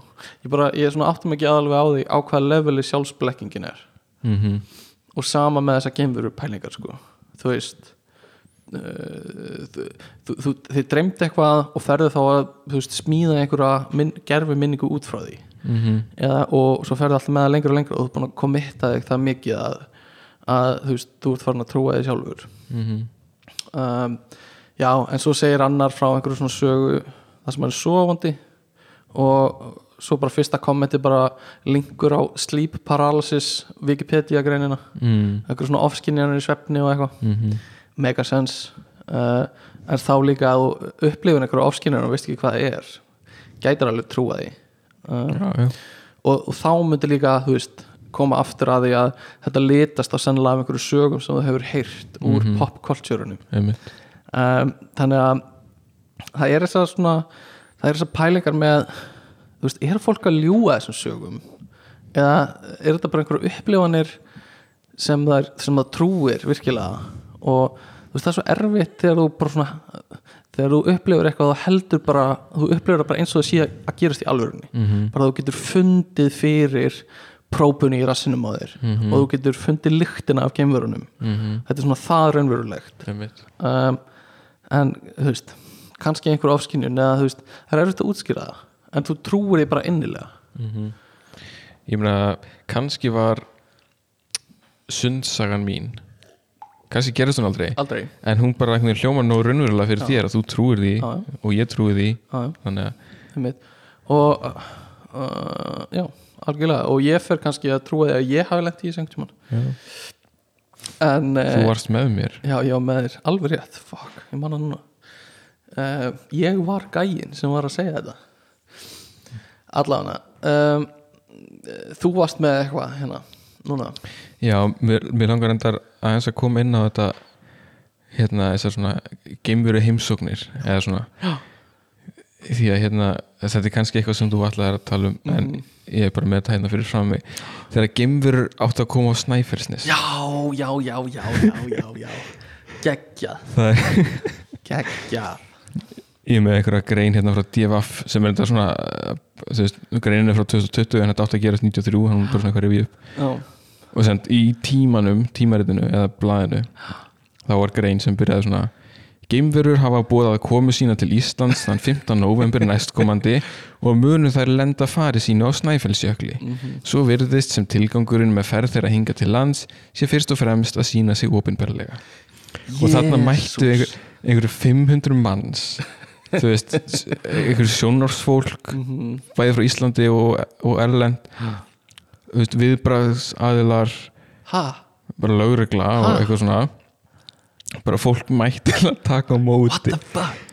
Og svo bara engin engin kom. Nei. Og það var einhver svona heljarna ráðstefna sem var haldin. Mhm. ráðstefna um geimverur og fljúandi furðuhluti. Einmitt. Og hérna þú veist Þetta, og Magnús Skarpjensson hefur sannlega verið bakveð alveg mikið af þessu. pottet. svo var hérna Tala, Eh, við, við ætlum aðeins að tala um Magnús á eftir. Já, ég ætlaði að klára hérna sko ég bara svona taka brot úr þessari grein hérna. Mhm. sem sagt á, á þeim tíma þá stendur hérna Devaf rætti einni við Michael Dillon um svipa leiti og, og í því viðtalið sagði Michael að gáfur gemveruna væru langtu meiri en jarðarbúa. Mhm. veirurnar veirurnar, verurnar væru vinveittar. Og svo segir hann Við vitum um nýjum tegundir ein tegundin er 2,17 metrar á hæð og ljós yfirlitum en önnur tegund er 1,20 metrar með gráa húð og stór svört augu Mhm, mhm. Þetta er það sem er oft í própinu sko. þetta, Já. er, þetta er anal próp kemuruna sko. og, og svo er eitthvað svona fólk helst í hendur og umlaði í kór Til hvers? Ég ég veit ekki, þetta er bara eitthvað svona umla En sko umla fyrir mér er bara eitthvað svona þetta er bara eitthvað svona, já, þetta er bara eitthvað svona hérna, já, bara eitthvað þannig. En hérna kannski var þetta bara eitthvað svona PR Stönd. bara eitthvað svona fá fólk á Snæfellsnes. Um, Sko, ég held að fólk eins og Magnús Skarpjensson trúi einilega uh, og ég held að þeir búið sér til mat úr því sem þeir telja að vera í rauninni sönnunagögnin að gæslappa og íki sönnunagögnin mikið. Einmitt. Ég man nú eftir að hann kom í skólan til Já, okkar ætla þegar að við vorum í tala- Hofstæðaskóla einmitt, hann kom, þetta er magnað dæmi. Hann kom og held fyrirlestur fyrir okkur um geimverur í Hástaðaskóla mm þegar við vorum í eh, einhvern tímann fyrsta til sjönda bekk. Um, og og talaði um þetta bara eins og þetta væri en þú veist, hann var fengið bara eins og þetta væri staðreindir sko, já, já, bara eins og þetta væri vísindarlega staðreindir að kenna þetta fyrir okkur. Mm um, og og kennararnir létu bara eins og þetta væri vísindulega staðindir já, eða einhvern veginn, það var, það var ekki sem gerði einar aðtöku sem til Nei. að þetta væri bara eitthvað bull. Eða ég man ekki eftir því allavega. Krakkar þið verða að nota hérna uh, almennskinn sem er hérna og uh, upplýsta uh, hérna rannsóknarvinnu til að Nú eru þið að nota ykkar rök hugsun til þess að ákveða hvort Já. þetta sé bull. Kynna ykkur máli frá öllum hliðum. Um, en sko uh, það er eins og þessi hérna Dillon félagi. Mm mm. það sem hann var að tala um að við vitum um nýju tegundur eitthvað svona. Pældi í hvað þetta er djúb vís, vísindi? UFO hérna UFO-ology eða eitthvað. Bara eh, þetta er, það er búið að fjalla svo mikið skrifa örugglega svo mikið um þetta það er búið að uh, greina þetta svo mikið eða svo miklum tími þetta uh, við erum ekki næstu því. Veist, við erum að tala bara með raskatina okkur núna meðan þú veist þess vegna er ég að segja, þess vegna verður fólk brjálað. Mhm. af, því, af því það kemur bara ég er búin að he- helga líf mitt þessum verum. Við Mhm. vitum um nýju tegundir önnur þeirra er 2,60 og hinn er 1,60 eitthvað svona bara þið vitið ekkert hvað er að tala um. Uh, og þau verður brjálað yfir starrið sem við erum að segja núna. Líka þú veist að segja að hún sé 2 og 17 Já. þýðir það að allar eru 2 og 17 er það það meðalhæðin hlýtur að vera með það bara svo að hvernig myndir þú vita meðalhæð á geimveru? Þú ert búin að prófa nokkrar. Uh, mér finnst að ef við komumst að því að eru geimurur að við eigum að fara í sko góða prófherferð til að hefna okkar sko. Já, uh, en hérna Magnús Skarpjensson uh, ég vil ekki tala of mikið um hann vegna þess uh, þetta er semst bróðir Össur Skarpjenssonar sem ég held að sé úf, það er alveg högg fyrir Össur að vera með þennan bróður í stjórnmálum sko. þetta er alveg svona dæmi gert eitthvað til að skjóta á en hérna, þetta er okkar helsti gemveru sérfræðingur innan gæðslappa og var að fara greinlega í grunnskóla og hjælt kynningar og var með viðburði tengdu gemverum á Íslandi og var, ég man að var að tala um að hann hefði séð gemverður orðið vitna þessu vissum fullt af fólki sem hefði orðið vitni að gemverum mm -hmm. en málum við hann að gæja er að hann er uh, ég veit ekki hvað ég má segja mikið ég vil ekki vera kærður en ég las að hann hefði verið hegðað sér mjög ósmekklega gagvart ungum strákum. Ok. Og hérna var mögulega dæmdur ég er ekki alveg með alla stænaður á hreinu. Mm ég held að hann hafi verið dæmdur og hann var að hérna uh, ávíst að hafa verið að perrast í ungum strákum í, í heitum pottum í sundi. Og uh, undir lögaldri 17 ára eitthvað svo leis og hérna uh, heiða sér mjög ósæmilega. Og ég man ekki hvort hann satt inni eða hvað gerist en það, það kom upp mál freka nýlega þar sem hann var að reyna að komast aftur í sund.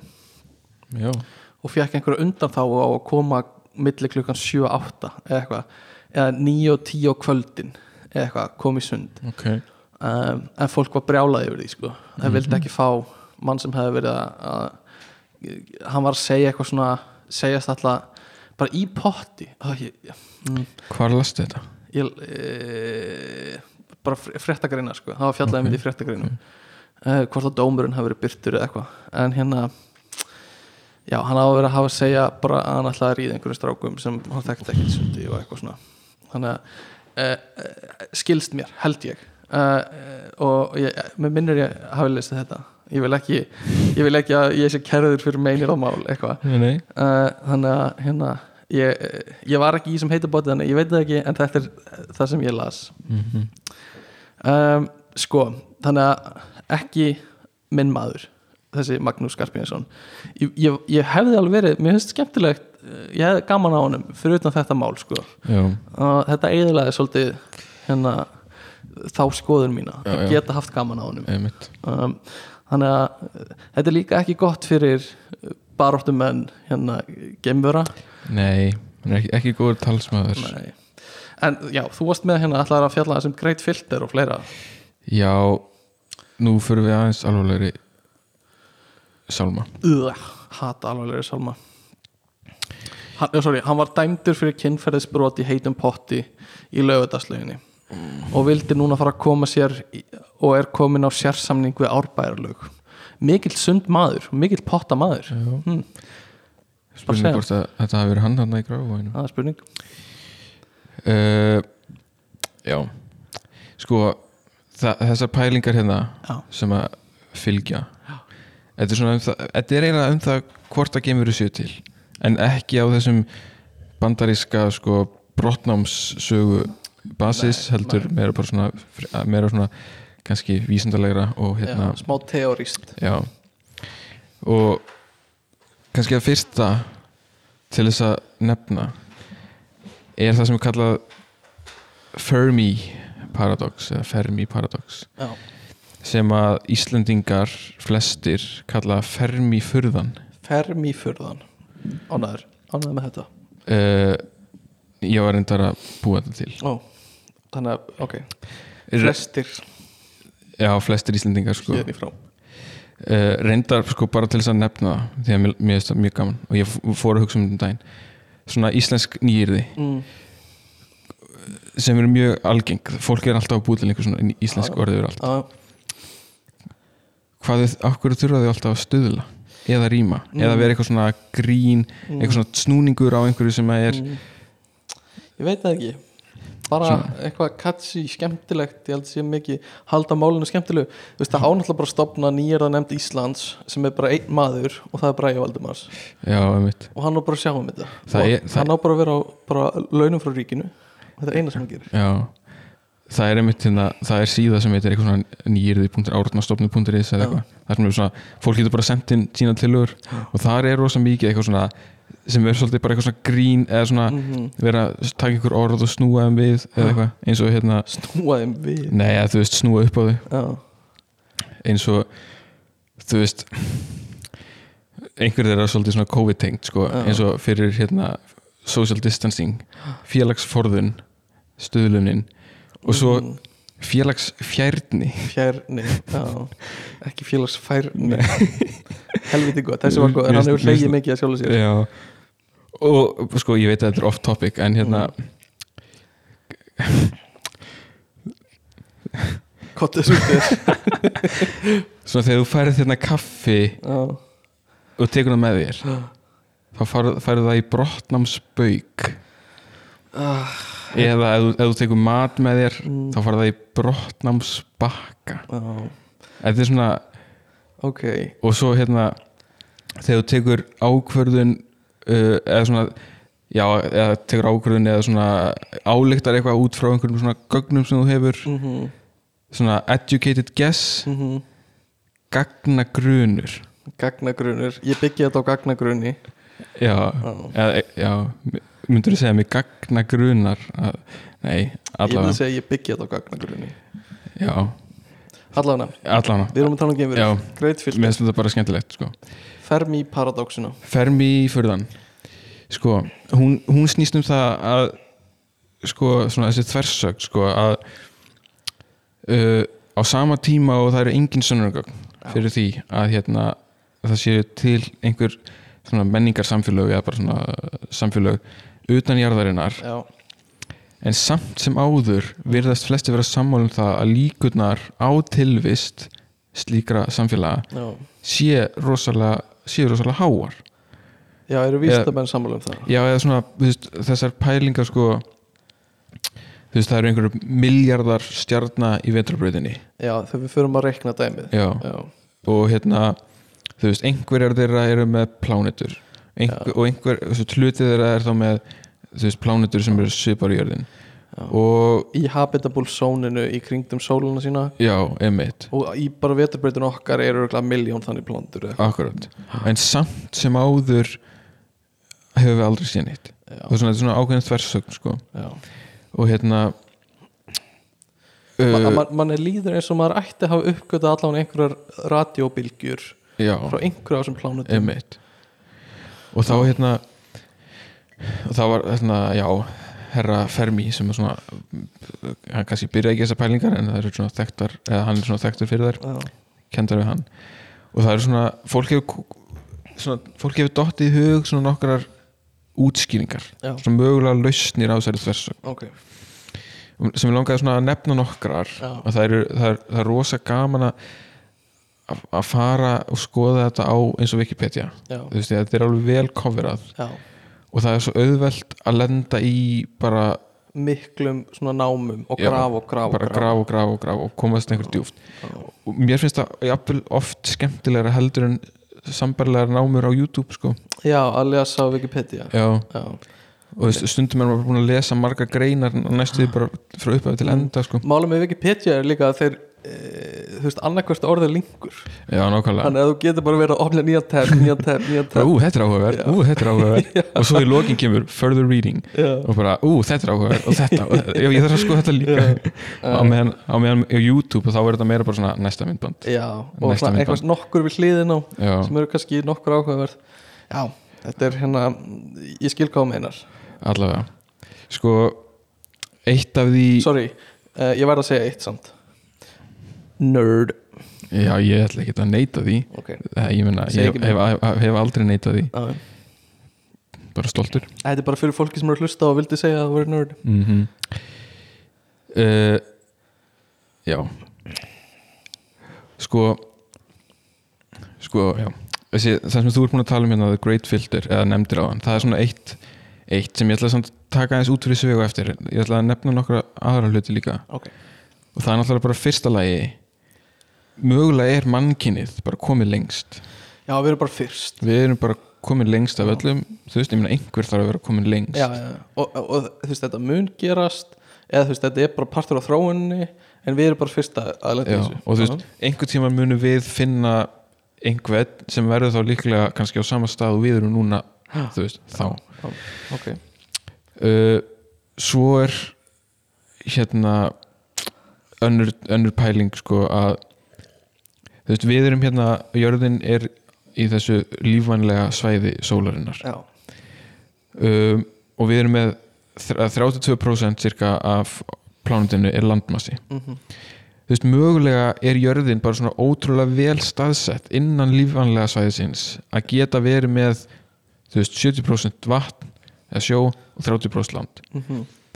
en aðrar eru kannski þannig staðsettar að það er bara bara sjór og þar sem er bara sjór að þá, þú veist, þú getur aldrei hérna eða svona, þú getur kannski sagt að það sé ólíklegt að þú fáir lífveru þar Já. sem nái að veist, smíða gameskip, smíða radar þú veist, þú getur alveg fengið vitsmunaverur, bara eins og margir telja, þú veist, höfrungar Mhm. kvalir, jáfnir kolkrabbar séu í rauninni vitsmunaverur Mhm.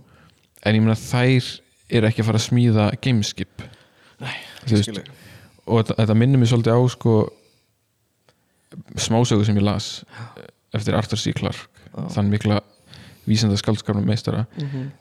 þar sem að voru einhverja lífverur s- sem að voru svona kannski bara svipar á maðurinn hittu einhverjar aðra lífverur sem voru líka vitsmunaverur en þær voru bara ekki með hendur Já, en þær voru ótrúlega klárar en Mhm. þær bara gátu bara ekki smíða neitt næ, veist, gá- og, og svo komu þessar hinaverur og hjálpuðu þeim að smíða einhverja brú eða eitthvað svona drast Mhm. og þú veist, uh, já en þess, þær voru ótrúlega klárar og gátu þú veist, reikna all, allan anskotan í hausnum á sér og eitthvað svona, en bara vegna þess að þær voru ekki með hendur, það voru Já. bara takmarkaðar Einmitt. um, svo er náttúrulega bara þessi pæling hérna sem þú nefndir áðan kannski eru geimverur bara svo ótrúlega frábrugðnar, frábrugðnar Mhm. að við erum bara ekki að leita réttir hlutunum í rauninni Einmitt. því að mannkinn er alveg búið að veist, það er, hefur sendið eitthvað drasl út í game til þess að eitthvað svona, hei, hérna eru uppáðslögin okkar Já. eitthvað svona þannig pælingar Einmitt. endilega hlustið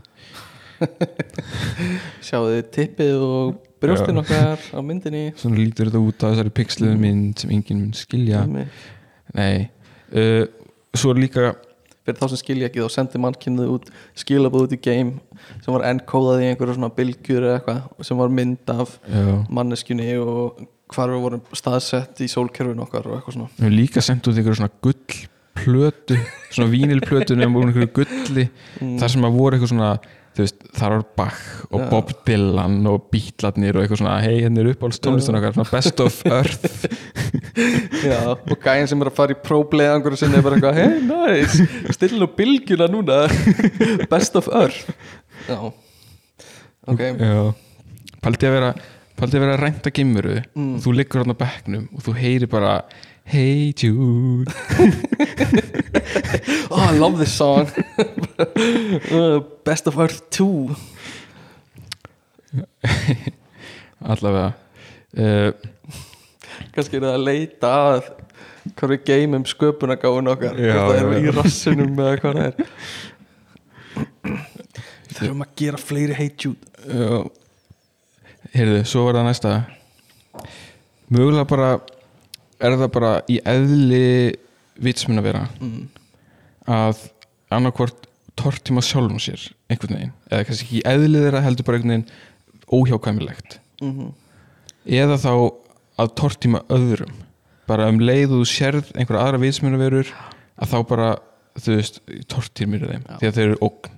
Kannski, þú veist, ég veit ekki þú veist, ef að mannkinnið, þú veist, ef það kæmi önnur vitsmunavera -hmm. á jörðinni, ég myndi einhvern veginn þróast þá mjög líklegt að manni fyndist að það eru einhvers konar stríð á milli þar sem önnur bara tortímis Já, já, en það, það, það, veist, ef að, það ef, hefur verið þannig já, veist, með já, og fleiri svona man, mannategund já, já, en það er alveg, ég veit svo sem ekki alveg hvort að þeim hafi verið systematíst útrýmt eða hvort Mm. það hafi bara einhvern veginn svona Ég held út, að sko. sé bara að það er ekki pláss í þessum bæ fyrir okkur báða dæmi sko. ég meina ef að, ef að svart fólk og hvít fólk getur ekki lifað þú veist, í sátt og samlindi mm. þú veist, hvernig á homo sapiens að, lifa með einhverju annari vit, Já.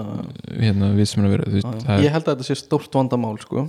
Þetta, þetta lifa í samlindi sko. og þess vegna bara veist, allar svona mjög langt komnar verur, Mhm. tortíma öllum þessum stittur komna og, þá, og þess vegna veist, eru þar fáar eftir og við bara finnum það ekki mm -hmm.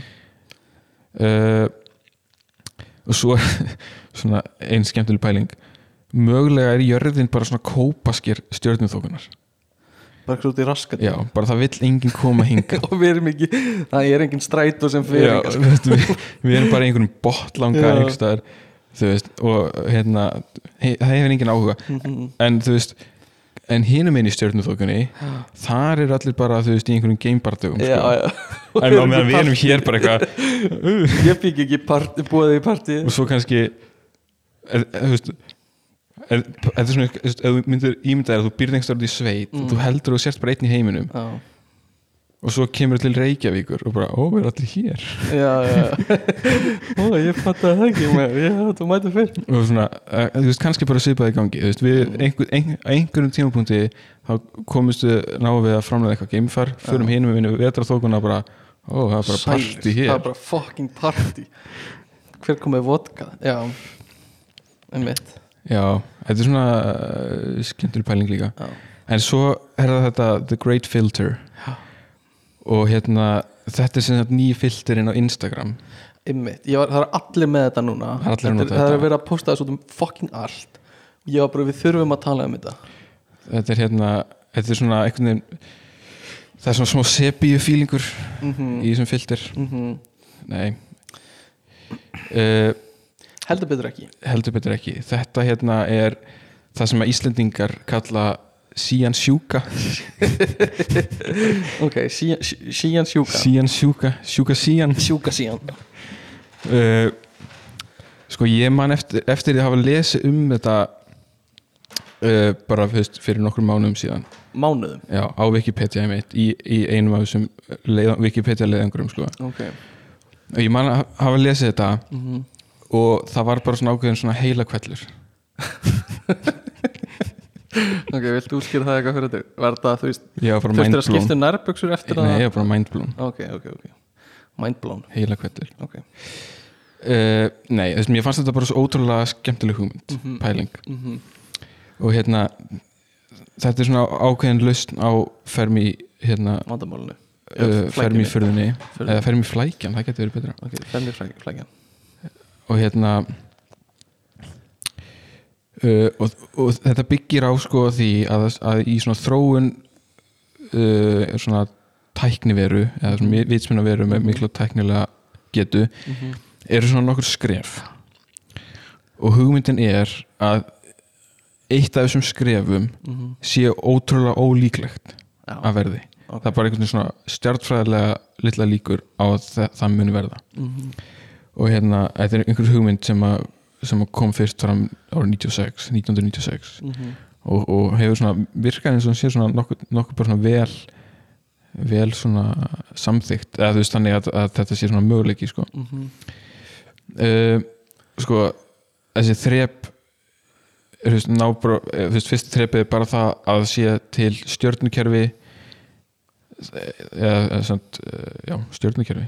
Mm, sólkerfi þar sem að hérna þú veist sem hefur réttu aðstæðunar Já. þú veist, þar sem að eru lífræn efni til staðar Mhm. og það er þú veist, í, á þessu lífænlega svæði stjörnunar svo er það bara það annað skrifið að þú getur hérna að sé, til sem uh, lífrænar samindir sem geti hérna búið til eindöka sjálfur sér Mhm. sem er í rauninni bara eins og erðaefnið okkar eða RNA eða eitthvað og svo svona, er þetta svona smám saman veist, flóknar og flóknari skref þú veist, einfrumungar, fjölfrumungar Mhm. geta notað tól Mhm. uh, og svo áttunda skrefið er sagt, svona samfélag þar sem að sem að er að komast á þann stað að það geti farið að útvika sig frá plánundinni og svo er nýjunda skrefið er þessi útvikun Já. að komast á aðra plánundur aðra önnur sólgrifi og allt þetta og hugmyndin er að eitt af þessum skrefum sé miklu ólíklegra en öll hín Mhm. uh, og hérna þú veist, ef öll skrefin eru mjög líkleg að þá myndum við væntalega vera nú þegar búin að sjá fullt af samfélögum þar sem að þú veist, eru búin að komast í gegnum öll nýju skrefin Mhm. þú veist, ef þau eru mjög líkleg uh, og hérna ef, ef, þetta- ef þessi listi er tæmandi að þá er og, og ef að ólíklega skrefið er eitt af þessum sem erum nú þegar komin yfir Mhm. þá myndi það þýða að skref nýju er ólíklegt við erum sem í skrefi 8 akkurat núna Mhm. sem sem þýðir það að við erum á loka skrifinu já, komum vegna þess að ef að skrif nýju er rosalega ólíklegt Mhm. að þá þýðir það að það mun eitthvað gerast í framtíðinni sem er þá rauninni tiltölulega náinn framtíð Mhm. sem er komið veg fyrir að við getum komist á skrif nýju sem þýðir þá við tortímum sjálfum okkur já, uh, eða kannski bara við auðlindirnar þverra Mhm. þú veist, já, global warming. Menna, kannski er það bara það sem er komið veg fyrir að við komist á skrif nýju. Og, all, og rosalega margar aðra plánundur hafa komist þangað en ekki lengra og hafa eðlagt veist, það plánundur gæti verið að séu rosa margir á skrifi átta Mhm. en vegna þess að skrif nýju er ólíklega skrifið þá kemst, komast ótrúlega fáir þangað. Já. og þess vegna sjáum við engan í okkar nágræni sem að er þú veist, komin það langt sko, vegna þess að það er bara svo ólíklegt en það er leiðilegt að pæla í því að að þú veist þetta gæti verið að segja okkur að hafi verið til fullt af svipiðum jörðum með svipiðum verum og okkur mm sem eigðilögðu jörðinu sína til Mhm. dæmis -hmm. og við erum að stefna í þá Já. líka við erum bara að fara á sama stað og Já. margir hafa Já. gert það undan okkur bara þess að já, eitt, ólíklegt að þú komist lengra bara e e eitt af mörgum sem er á lista yfir þá sem hafa eðilagt sig. Bara, við erum ekkert sérstök. Uh, En það er kannski líka bara ágætt því að þá þú veist, er þetta bara einhvern veginn óhjákvæmulegt mm, og við, þú veist eitthvað, eitthvað, er bara eitthvað. Ok já, en hérna já, en hins vegar sko ef að ólíklega skrefið er einhverstaðar þú veist, fyrir aftan okkur Mhm. segjum bara, þú veist, ef ólíklega skrefið er bara að, lífverði til yfir höfuð. Já, þú veist, það myndi líka því að, að þú veist, það því að við erum komin yfir ólíklega skrif, við náðum ólíklega skrifinu mm sem þýðir að við erum þú veist, ein af fáum. Já það er ekki margi sem hafa geta Já, sem, sem þýðir sko að veist, það eru mjög fáir í okkar stöðu og hvað þá sem hafa komist lengra Mhm. og þess vegna eru bara svona fáir þarna úti að þú veist, ja, mögulega jafnvel engin Já. sko og ég ég tala, tala nú ekki ef- ef að það er kannski tvö ólíklega skrif fyrir aftan okkur Einmitt. eða eitthvað og það að við höfum komist þetta langt þú veist við værum ekki mm, þetta er svona smá, ég veit ekki hvað maður að kalla þetta paradoxa, eða þú veist að við værum ekki að pæla í því hafa komist yfir tvö óleikleg skref nema við hefðum komist yfir þau uh, í rauninni að hérna þú veist af hverju við komum svona langt mm þú veist bara að, að hérna veist, einhver þurft að gera það í já, rauninni já, ég meina bara eða þú veist, ekki einhver þurfti að gera heldur meira bara svona þetta er bara tilviljun Já. og þú veist, það voru við Já, og það bara, voru við. Þetta er bara svo kallinn sem vann lottóið þú veist, já. Einhver vann lottóið, hann vann Mhm. lottóið. Og þeir sem, veist, þeir sem komast ángað eru í þeirri aðstöðu að pæla í því. Já, og þess vegna eru við að pæla í því. Veist, bara að því við erum þeir sem komast í þessa aðstöðu. Ekki. En svo, hérna uh, það sem er svolítið skemmtilegt eða kannski niðurdrifandi að pæla í, í þessu samingi er ekki allir í baði með sér? sko það er að, þú veist segjum að við myndum finna fjölfruma líf á Mars já, uh, það eru allir hoppandi glaðir þú veist, við fundum líf á Mars eða þú veist, einhverstur annar staðar Já. og við erum að gera ráð fyrir að lífið hafi þróast sjálfstætt já. það sko, það væri góða frétti vegna þess að þú veist, ok, það er líf annar staðar Mhm. en það væri eiginlega í þessu samingi með síuna sjúku að Mhm. Það myndi þýða sko að skrefinum að skrefin sko, einhver skref fyrir aftan okkur Mm. eru mjög líkleg já, sem þýðir að vandamáli liggur sko í því að komast Lengra. á okkar skref einmitt. eða næsta skref Já. eða kannski skrefið undan okkur sem þýðir að það þú veist, sem því basically uh, já þú veist að það sé það fullt af kannski hérna bara fjölfruma lífverum Mhm. svona frekar einföldum lífverum um voða fáar já. og það getur líka sagt okkur að þú veist, eða, þú veist, staðfest það að erfiðaskrefið er fyrir framan okkur mögulega. Af því, af því það er til líf einhver staðar, Já. fjölframa líf. En hérna, og fullt af því en það hefur enginn komist lengra já, en þetta. Mm en sem er þá í rauninu bara vegna þess að þú veist, í þessum lista sem er settur fram sem er ekki endilega tæmandi listi, þar eru þessi nýju skrif já, við erum á áttunda skrifinu Já. sem þýðir að það er bara eitt skrif eftir. Einmitt, einmitt. já, þetta er, þetta er skemmtilega pælingar sko og hérna gott að lenda í þessari Mhm. hólu á Wikipedia. Já, þetta er það sko og hérna uh, hægt að dífa sér helviti langt onni í þetta. Um, Já, hvað eins og svo er líka hérna svona sepu pælinga sé Kardashev kvarði sem er svona, ég þekki ekki alveg nógu vel en það er svona mm, svona einhver svona flokkun á, á svona tæknistígi einhverja lífvera eða, við, eða viðsmennu vera mm -hmm.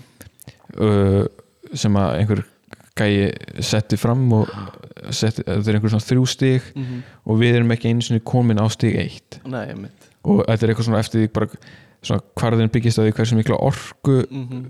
er verið að nota Já, og þú veist, fyrsta stigið er að, að þá ertu komin það möguleika að beisla alla orkuna mm í, á þinni plánutu skrif 2 er að beisla alla orkuna í þínu sólkerfi já. og skrif 3 er að geta beisla alla orkuna í þinni stjórnutóku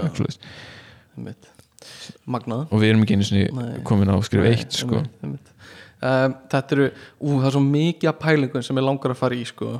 Úf, ég er með svo mikið skrifa hjá mér. Uh, spurning hvað við komast langt sko. en það er þessi, þessi pælingi mitt uh, ég mæli með channel á YouTube sem heitir Kurtski sagt og erum með frábær vídeo um svona og erum hafa rannsakað það svolítið vel Já, og erum með vísanir í, í vísandagarinnar og svona mér, lang- mér langar að segja eitt um þetta kurtski sagt Já, sko þetta channel er með 15 miljón subscribers Mhm. og mörg myndbönd með einhverju 20 miljón Mhm. og þetta er eitthvað svona sem væri þú veist, þetta er eitthvað sem á heima í mínum ranni, Já. svo maður segja já. Þú sendir mér myndband í gæri eða fyrir dag. Mhm. ég hef aldrei hýrt um þetta channel alvöru? Ég held ekki, Mér ég man ekki eftir því. Mér finnst það ótrúlegt. þetta er akkurat eitthvað sem ég myndi sem ég myndi háma í Mér mig. finnst það ótrúlegt að það hafa aldrei Þú veist, heyrt ég, um hef kannski séð þetta en ég hef aldrei hort á þetta. Að, vegna þess að þetta, Vá. þetta er eitthvað sem ég væri búin að hámhorfa. hámhorfa sko, jafnvel oft bara eins og vísos eða eitthvað. Þegar það fá bara sko bara pjúra viðbröð frá mér. Mér finnst það ótrúlegt. Mér, mér finnst það eiginlega líka. En allan ég mæli eindreið með þessi ja, þeir eru það- ég horfði á tvö myndbönd þeir Mm. voru vel, vel framlýtt sko. vel framleitir eru með góður heimildir virðist vera og ef þeir hef, þeir hafa leiðir rétt nokkur svona mynd, myndbönd hjá sér þá Mm. þá komast þær að því að það var eitthvað vittlust þá gera þeir það upp á nýtt annarkvort eða, hérna, eða taka það fram og, og leiðir þetta þannig að þeir pæla mikið í, í hérna, hvað er að gera. Kurtski sagt á YouTube. Skemmtilegt nafn líka. Já, uh, þetta er svona í stuttu máli basically. Og uh, þetta er að fjalla um alls konar svona vísindatengt og hérna hvert mannkinni getur farið í framtíðinni og, og hérna stundum einhver svona tengt. Geimverum með bara einhver svona vísindum almennt. Frábært. Stundum tengt Æ, allan, mælum með að kíkja á það en hérna uh, við erum með þú veist, ég horfði á nokkur þannig myndbönd eh, hef á mikið frá þeim og smá einsbáð þaðan. En þú veist, eins og beisla orkuna þú veist uh, þeir eru með myndbandum hver, hversu langt mannkynni kemst og hvað við getum veist, séð fram á að- gera í framtíðinni veist, komist þú út fyrir sólkerfi og eitthvað svona. Mm -hmm. og eitt sem væri hægt að gera væri að sko beisla sólina og, og einhverja aðra sólur jafnvel og gera það sem heitir Dyson Sphere og hérna og það er þegar þú basically býr til bara svona hulu í kringum alla sólina þina með sólarorku panelum bara svona, bara svona basic leið til að útskýra það Mhm. og þú tekur alla orkuna sem sólinn gefur frá sér Mhm. og nýtir hennar Mhm. og hérna þetta væri eitthvað sem maður myndi þurfa að gera eða þú veist maður myndi þurfa rosalega orku ef maður ætlaði einhvers konar svona uh, einhver svona hérna útferð, í viking getur við Mhm, kallað sem, sem, uh, uh, sem tegund en mér langar að fara í eitt uh, áður en við höldum áfram Mér langar líka að spyrja, þú veist, hvernig myndir þú koma orkunni úr þessum sólarpanelum síðan þangað sem þú þarft að fána? uh, sko Með ein, einhverjum sæstreng geimstreng, ein pælingin væri sko að uh, til þess að uh, ferðast þá myndir þú færa sólina með þér. Og þú veist basically nota sólina sem einhvers konar uh, batteri eða þú veist svona uh, þannig að þú veist, þú ítir sólinni áfram samhliða. og uh, þú veist notar orku í það og svo er pláneta þín bara í kringum hana þannig að hérna, þú lifir á einhverju plánutu og svo ítir á sólinu og plánutaði kemur með að það sé rauninni gameskipi sem þú ert að nota til að ferðast. ok, um, og þú veist, en svo líka bara hvernig notum við orkuna frá Dyson Sphere? Já, einhver sæstrengur eða einhverja raflöður eða eitthvað skilur ég veit ekki, hvernig hérna hvernig orkan verið send, kannski var hann bara fókusuð og það verið sendið í einhver svona nanobilgjum, þannig að þú gætir þú veist, sendt nanobilgjunar fókusaraðar mm. inn á uh, einhverja plánutu og tekur á móti með einhver svona háþróuðum sólarsellum með eitthvað en allavega, mér langar að fara í sko sponsor þáttarins í dag eru eðalgastegundir uh, mælu með þeim frábærar uh, hver er uppbóls eðalgastegundin þín? Argon, Argon, fílaða Aragorn Aragorn, mín er ymmit Legolas uh, spurning mm. ef Saruman. Myndi stopna fyrirtæki Mm. hvað myndi það heita? uh, uh, pass Ísan eitthvað Orkar náttúrunar Óskar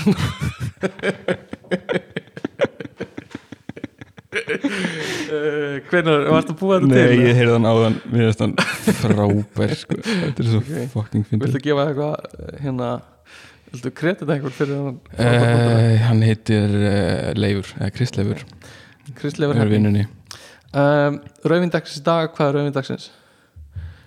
þú veist, ef ég myndi þekkja rauðvín sko, En hvað varst að drekka hérna? bónda. Bónda, rauvindagsins er bóndi. Uh, og ef þið hafið endilega samband með spurningar ekkert að frétta at gmail.com eða á Instagraman okkar please sendið okkur e-mail. Bara please sendið okkur e-mail.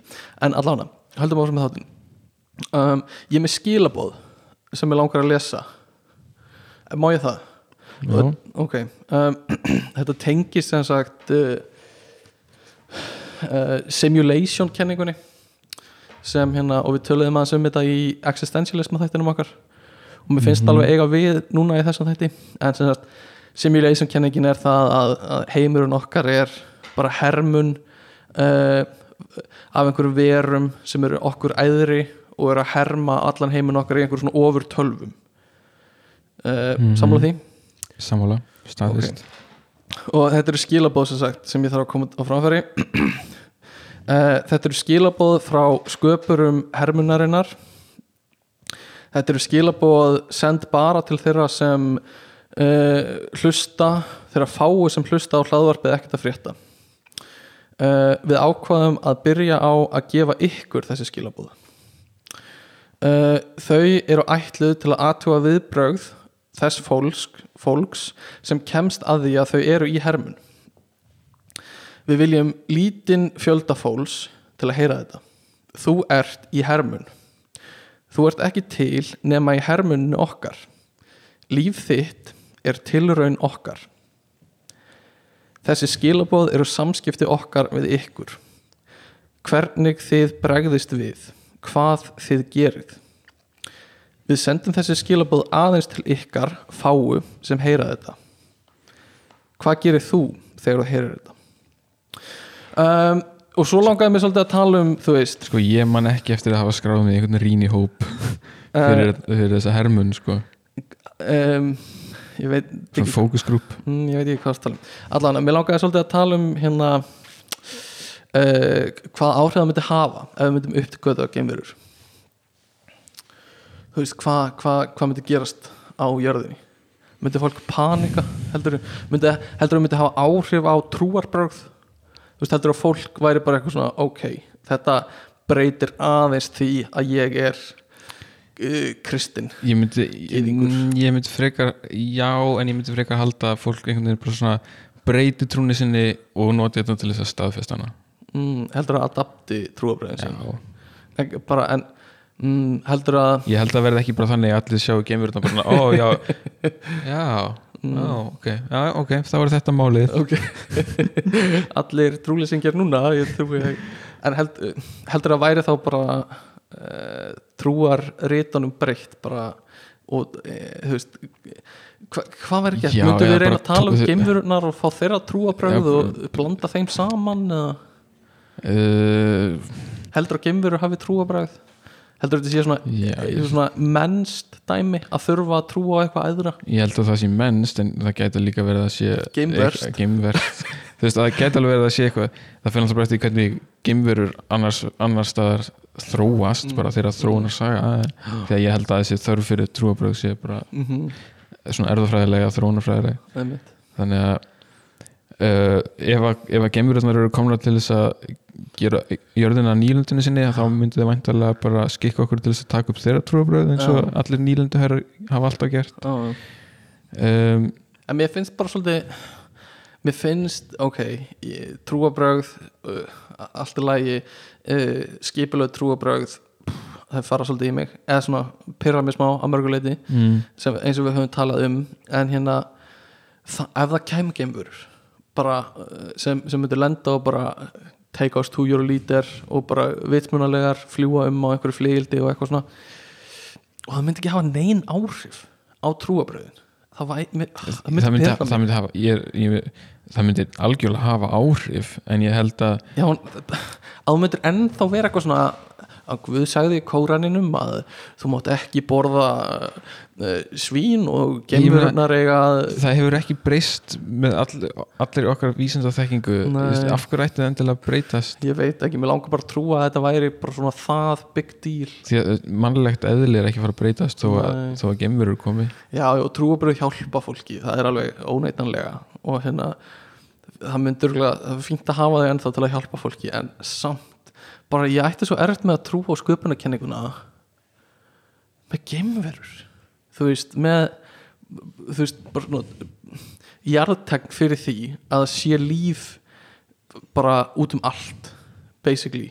Eða bara á miklu stærri skala heldur en trúabröðið mín gera ráð fyrir. Sko, trúabræðið þitt ef þú ert eitt af þessum svona eingiðist trúabræðum mm. þeir myndir örugglega bara segja að Guð hafi sendt þær. Já, kannski, kannski. Uh, Svo vilja margir meina sko að ó, það er svo mikið sem ég á eftir að tala um. Uh, Area 51 Roswell incident. Roswell incidentið uh, fyrir ekki, atvikið. Roswell atvikið uh, á að hafa gerst 1949 uh, og surprise surprise uh, það var veðurbladra sem rappaði til jarðari í hérna New Mexico í bandaríkjunum og fólk fór að taka þessu sem einhvers konar geimfari og hérna sem á að hafa hrappað og bandaríski herin er að covera það upp og þetta er, þetta er svona eitt frægasta að, svona game að, hérna, svona UFO atvik svona FFH atvik mm. sem er til, það sem fólk bara einlegt trúir því að þetta sé samsæri í gangi og bandaríski herin er að covera upp og, og uh, þetta var uh, voru geimverur og, og það er brotlendu og það eru til fullt af sönnunum um þetta. Og hérna það voru pikkaður upp alls konar hlutir hana og hérna og margir vilja trúa því að sko öll tæknin eða mikið af tækninni frá 1950 hefur verið við að stela tækni frá geimverum uh, í gegnum þú veist eins ros, svipuð atvik og Roswell atvikið. Að hérna við erum að taka geimveru tækni og þú veist transistorar og hérna alls konar svona ráftæki og, og alla bylgju vinna sem við erum að búa þú veist, wifi og netið og eitthvað svona þetta er allt uh, kemur allt frá geimveru tækni sko. Mm. og, og herin, bandaríski herin uh, á að hafa hérna uh, stólið stólið þessu geimurinn sem er rosa leiðilegt fyrir fólki sem fann þetta í alvörinu þú veist Michael Wi-Fi er að lappa út á götu og fólk heldur bara að einhver annar hafi fundið upp Wi-Fi heldur en já, já, sem er bara, þú veist, ógæslega svona leiðileg uh, uh, þannig að það er ein, ein hérna það er ein kenningin sko, eða svona samsæðiskenningin en uh, hitt er líka Area 51 bara svona næsta level dæmi sko, mm -hmm. þetta er bara gemverum miðstöð heimsins basically. Að þetta er he- herstöð hjá bandarinska hernum og þetta ávist að draga nafni sitt af því að, að bara rétt hjá er eru, uh, var bandarinski her með heræfingar á alls konar svona svæðum sem er kvöldu area 1, 2, 3 eitthvað. Og notið þetta fyrir flugæfingar og einhverjum svona sprengjuæfingar. Og hérna rétt hjá því er herstöð sem heitir Area 51 og bandaræki hér vildi ekki hérna viðurkenna tilvist þess fyrir bara 2013 uh, ég held þessi staðfest núna að þetta er til. Og uh, það var það átti að re- reyta Area 51 þess að þetta átti að ráðast á hana núna fyrir nokkrum árum og það var gert rosa stórt svona mím úr því að hérna á þessum degi uh, eitthvað, 18. mæ 2018 ætlum við að ráðast inn í Area 51 Hmm. og þetta var huge, mannst eftir þessu? Rámar eitthvað að síða, já. Og hérna fólk ætlaði að þyrpast ángað og bara fólk allstaðar aðra á heiminum. Þetta var Facebook event og það voru komnar þú veist, tvær miljónir attending eða eitthvað. Og hérna, svo var þetta bara eitthvað svona puff, bara eitthvað svona prump á, á deginum sko. Já, já, þá mætti fólk hana í Nevada eðamörkina uh, í bandaríkunum og stóð bara eitthvað svona fyrir framann eitthvað svona játtlið bara eitthvað svona Hleypið okkur hleypið okkur inn og einhverju með og þú veist kannski svona 80% var með síman svona lofti að vlogga eitthvað svona hey guys so I'm here in front of area 51 and I'm about to see everybody rush it eitthvað svona. Já, já, og svo, svo gerðist ekki neitt nema að komu nokkuð góð mýmútur í það er eina sem gerðist sem ég veit ekki hvað fólk voru búist við. En Area 51, þar á the shit að gerast. Um, og uh, þetta er rosalega stort í bíómyndum. Það er auðvitað þess vegna líka partræði sem þetta hefur lifað svona lengi. Mhm.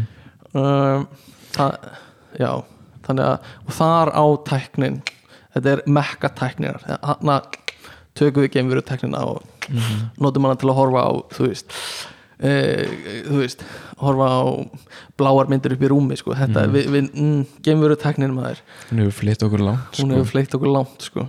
þannig að fyrir hvað notar þú tæknina þína mm, ég horfa á YouTube myndböndum hvernig ég, hvernig ég á að baka 15.000 brownies á einum degi ah, já, ég nota það er það sem ég gerir við geimveru tæknina mína uh, já, þannig að, hérna, það er eitthvað sem mér langar að komast yfir það er þetta Area 51 uh, heldur þetta myndi hafa áhrif á veist, heimspeki að einhverju leiti að komast að því að vera geimverur? Heldur það myndi setja okkur í svona veist, setja okkur, planta okkur niður í eitthvað svona, stort samhengi? Já, ég get alveg trúa því því að ég meina stór, stór svona grein í heimsbyggi er náttúrulega bara þessi tilvistarfræði sko. og hvað er að vera manneskja? Þetta sem svolítið setur okkur tekur okkur út fyrir svega að við séum manneskjur. Nú, og þá líka þegar þú spyrir hvað, hvað er að vera manneskja þá er teknin alltaf að bera það saman við dýr. Mm.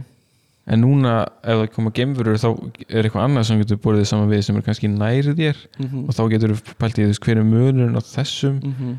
Verum og okkur sem manneskjum og upplifun þeirra hver er, veist, hver, er meðvitund þeirra hvernig Mhm. er, henn, þú veist, er hún svipuð og menn, mennsk meðvitund uh, ert þú sko, ert þú með eitthvað eða á ég að bomba í gegnum það sem ég, restina sem ég er með ég er ekkert með neitt uh, sérstakt sko, ég er bara tek þátt í því sem þú hefur að segja sko. ok, leið mér að bomba smá út uh, sko, við erum með þessar hvað tegundra geimurum og það virðist vera það að fólk er búið að rannsaka þetta í þaula. Og bara það eru eitthvað, nýju tegundra geimurum og eitthvað svona.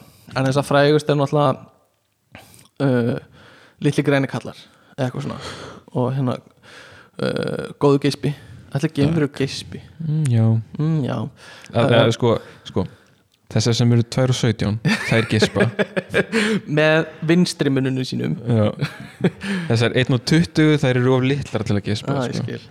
uh, En svo geimverur, þú veist, er það bara líf? Þú veist, getur þetta verið bara bakteríur eða, eða bara eitthvað svona lítið þróuð dýr eins og mís eða eitthvað? Eða á öðru plánutum sennilega. Já, já. um, mjög þróar komin yfir einhvern veginn okkar skinjun á hvaða levelar eru uh, og svo eh, langaði mig svolítið að koma inn á sagt, Star Trek geimverunar það eru allir í Star Trek í svona mennskri mynd nefnum með eitthvað smá make-up. Það, er, það er alltaf svona já, þessar þarna, já, þær eru humanoid. Já, það eru býtu þær eru allir humanoid uh, að við erum semst, takaði fram, ég og Björgun erum miklu Star Trek áhuga menn uh, og ég er langmest í hérna, Next Generation Star Trek fyrir fellow nerds en hérna, já, allir svona mennskir í Star Trek. Uh, hversu mikla líkur heldur á að geimverur séu mennskar í útliti? Aðrar, en, þú veist, um, annars þar 23 ok, ég, Björgun sko hann, ég við köttu hennar út en Björgi var í svona 20 mínútur að reikna þetta. Það var bara, það eru blöð og blöð hérna fyrir framan hann. Um, já, já, þú veist 23% mér finnst það hljóma rétt. Já, það er líklegt tala. Svona humanoids. Hver er heldur að líkurnar sé að það sé rétt tala?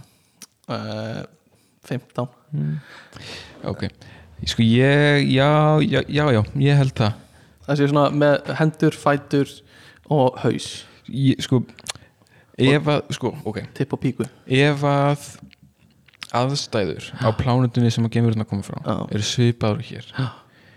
Að þá get ég alveg trúa því Mhm. að okkar við erum búin að þróast í samræmi við aðstæðunar já, Þess, aðstæðunar skapa einhver, einhverja hæfileika sem eru bestir til að lifa og, svona.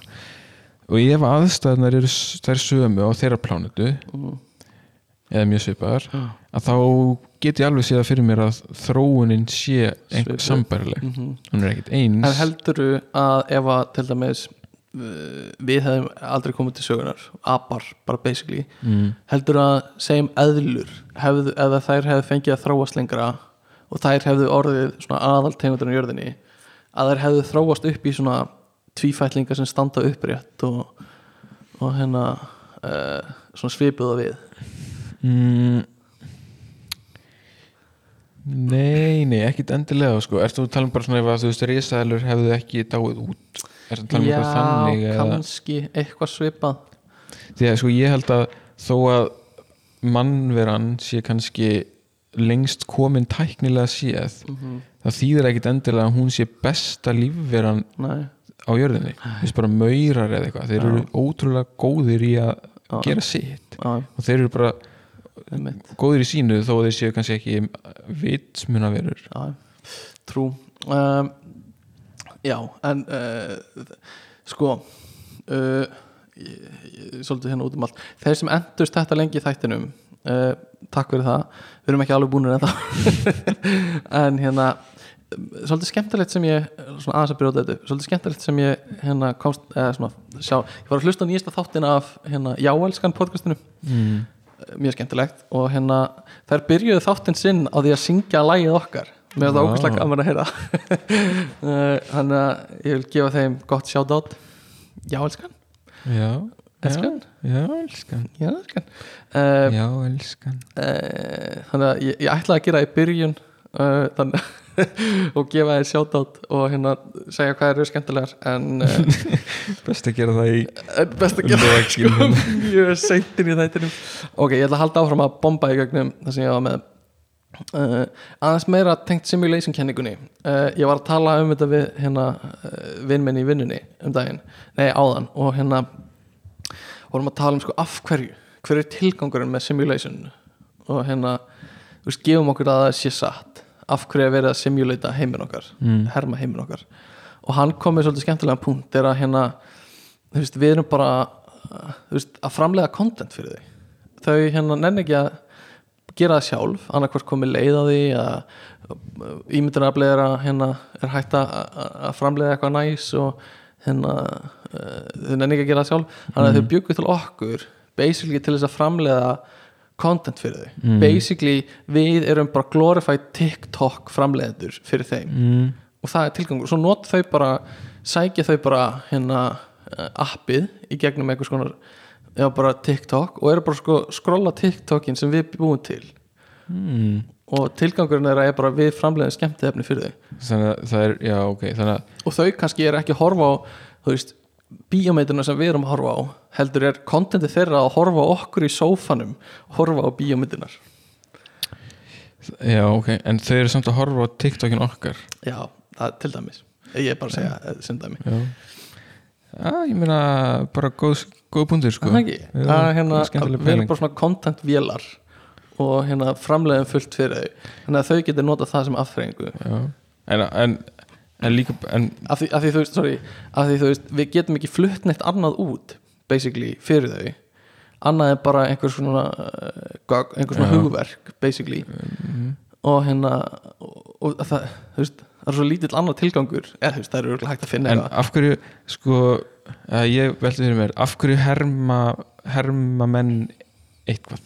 Þú veist, af hverju já, þú veist, við erum að við erum að reyna að spá fyrir um hvað muni gerast. Mm, mm, og af hverju gæti ekki verið að geimverunar eða þeir sem að erum að búa til okkar mm, okkur sem eitthvað líkan mm af hverju getur ekki verið að þeir séu bara að reyna að spá fyrir um eitthvað? Hvernig eitthvað muni gerast Jú, eða veist, breyta einhvern forsendum og sjá hvernig það virkar ég er svona. að negla niður að þetta sé ein, veist, eina ástæð, aðal ástæðan ástæða fyrir, ég er bara að segja þetta, þetta er skemmtilega ástæða. Já, já, algjörlega, en bara þú veist vegna þess að þú svona talaðir um þess að þú hérna eins og þetta er ekki í hug einhver svona góð ástæða sko, Já, æ, það var eiginlega bara til að gera þetta skemmtilegra en allir góðu uh, Já, jú, jú, það er örgulega til full, fullt af ástæðan til að herma eitthvað en hérna bara svona til að gera uh, svona skemmtilega hermun að hérna að, og svona ítarlega hermun að við erum bara svona content machines. Um, Ok, allavega uh, skjótast gegn út af samsæðiskenningar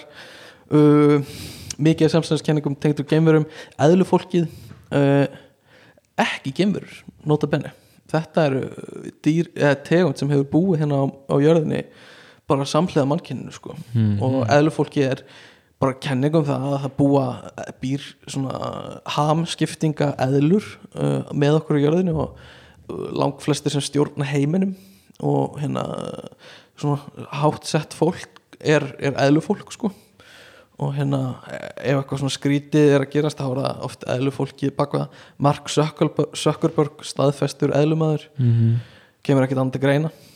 Um, og hérna þær lifa meðal okkar eðlunar en ekki gemverur, taka það fram. Eh, ég held allavega ekki uh, hvort að það sé ekki partur af kenningunni. Um, og uh, já, það, alls konar samsæðiskenningar og við erum búin að covera það svolítið. Um, svo vorum við búin að covera svona sci-fi drastlið okkar. Um, svo langaði með að bara tala um hvert mannkenni gæti verið að fara í framtíðinni. Og uh, þú veist við komumst mögulega getum kóluna hérna nuðum með land á, á hérna í sólkerfin okkar. Svo er bara svolítið langt í næsta.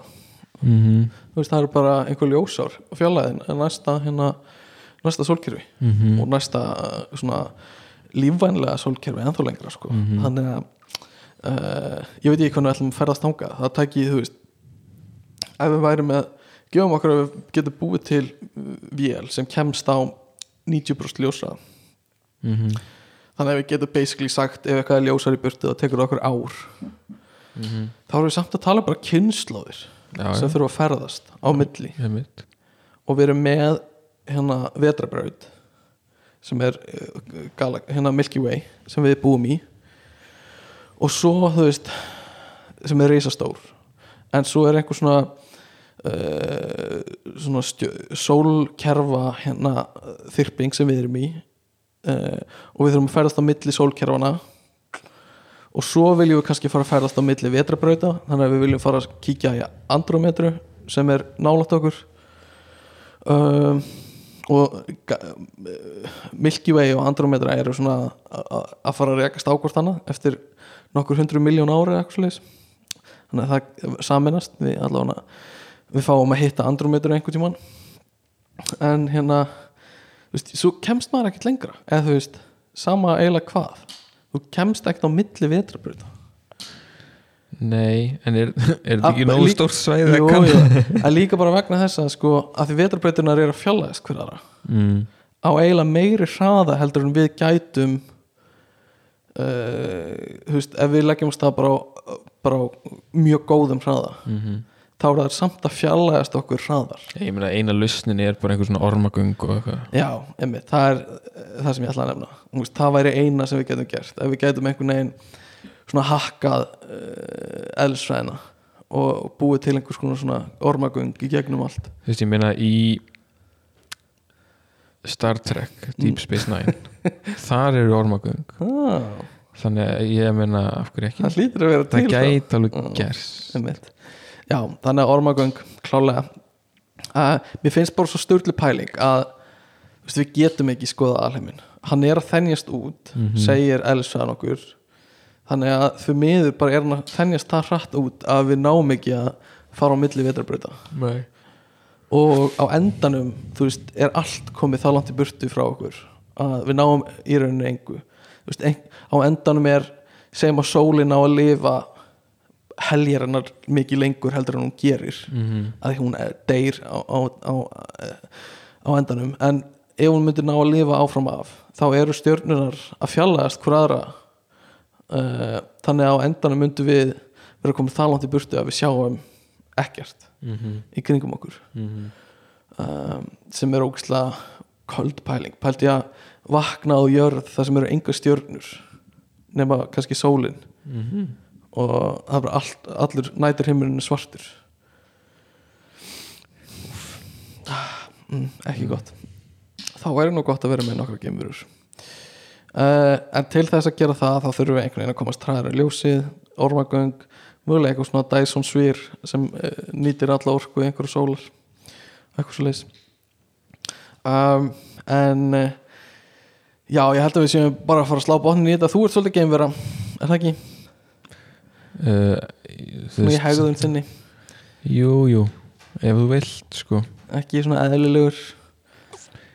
Uh, Þú veist, samkvæmt listamanna skilgrinningunni þannig áðan sko Mm, þá er ég rúglega gemvera myndur segja að væri samt alveg svona eðlilegur? Um, þú veist, Nei. innan ákveðna marka það vart alveg eðlilegur. Já, já. Ég sagði eðlulegur uh, ó, þér. fokk, ég böstaði þig svo mikið ok, hérna allir að búi til, búi til petition undirskriftalista hérna, kanslunum Björgvin, hann er eðlu, eðlumadur eðlulegur um, eitthvað í lokin frá þér? Þú stoltur af þér? Þú stoltur af framgöngu þinni hér í kvöld? mm.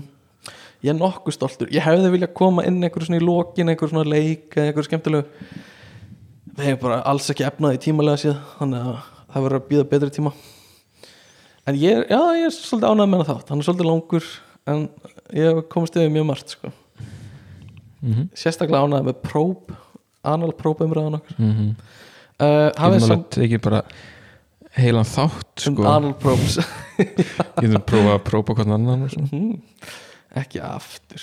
Um, hafið samband og ekkert að frétta að gmail please sendi okkur post með pælingum uh, um hugmyndu umræðefnum ef við sögðum eitthvað vittlaust ef við sögðum eitthvað rétt.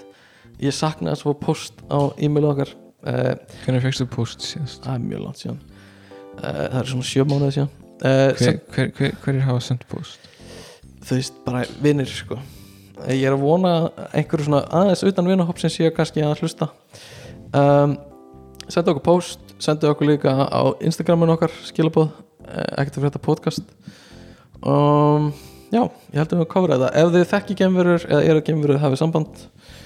Eitthvað fleira frá þér? Nei, ég held sem bara góður alright, bye. Les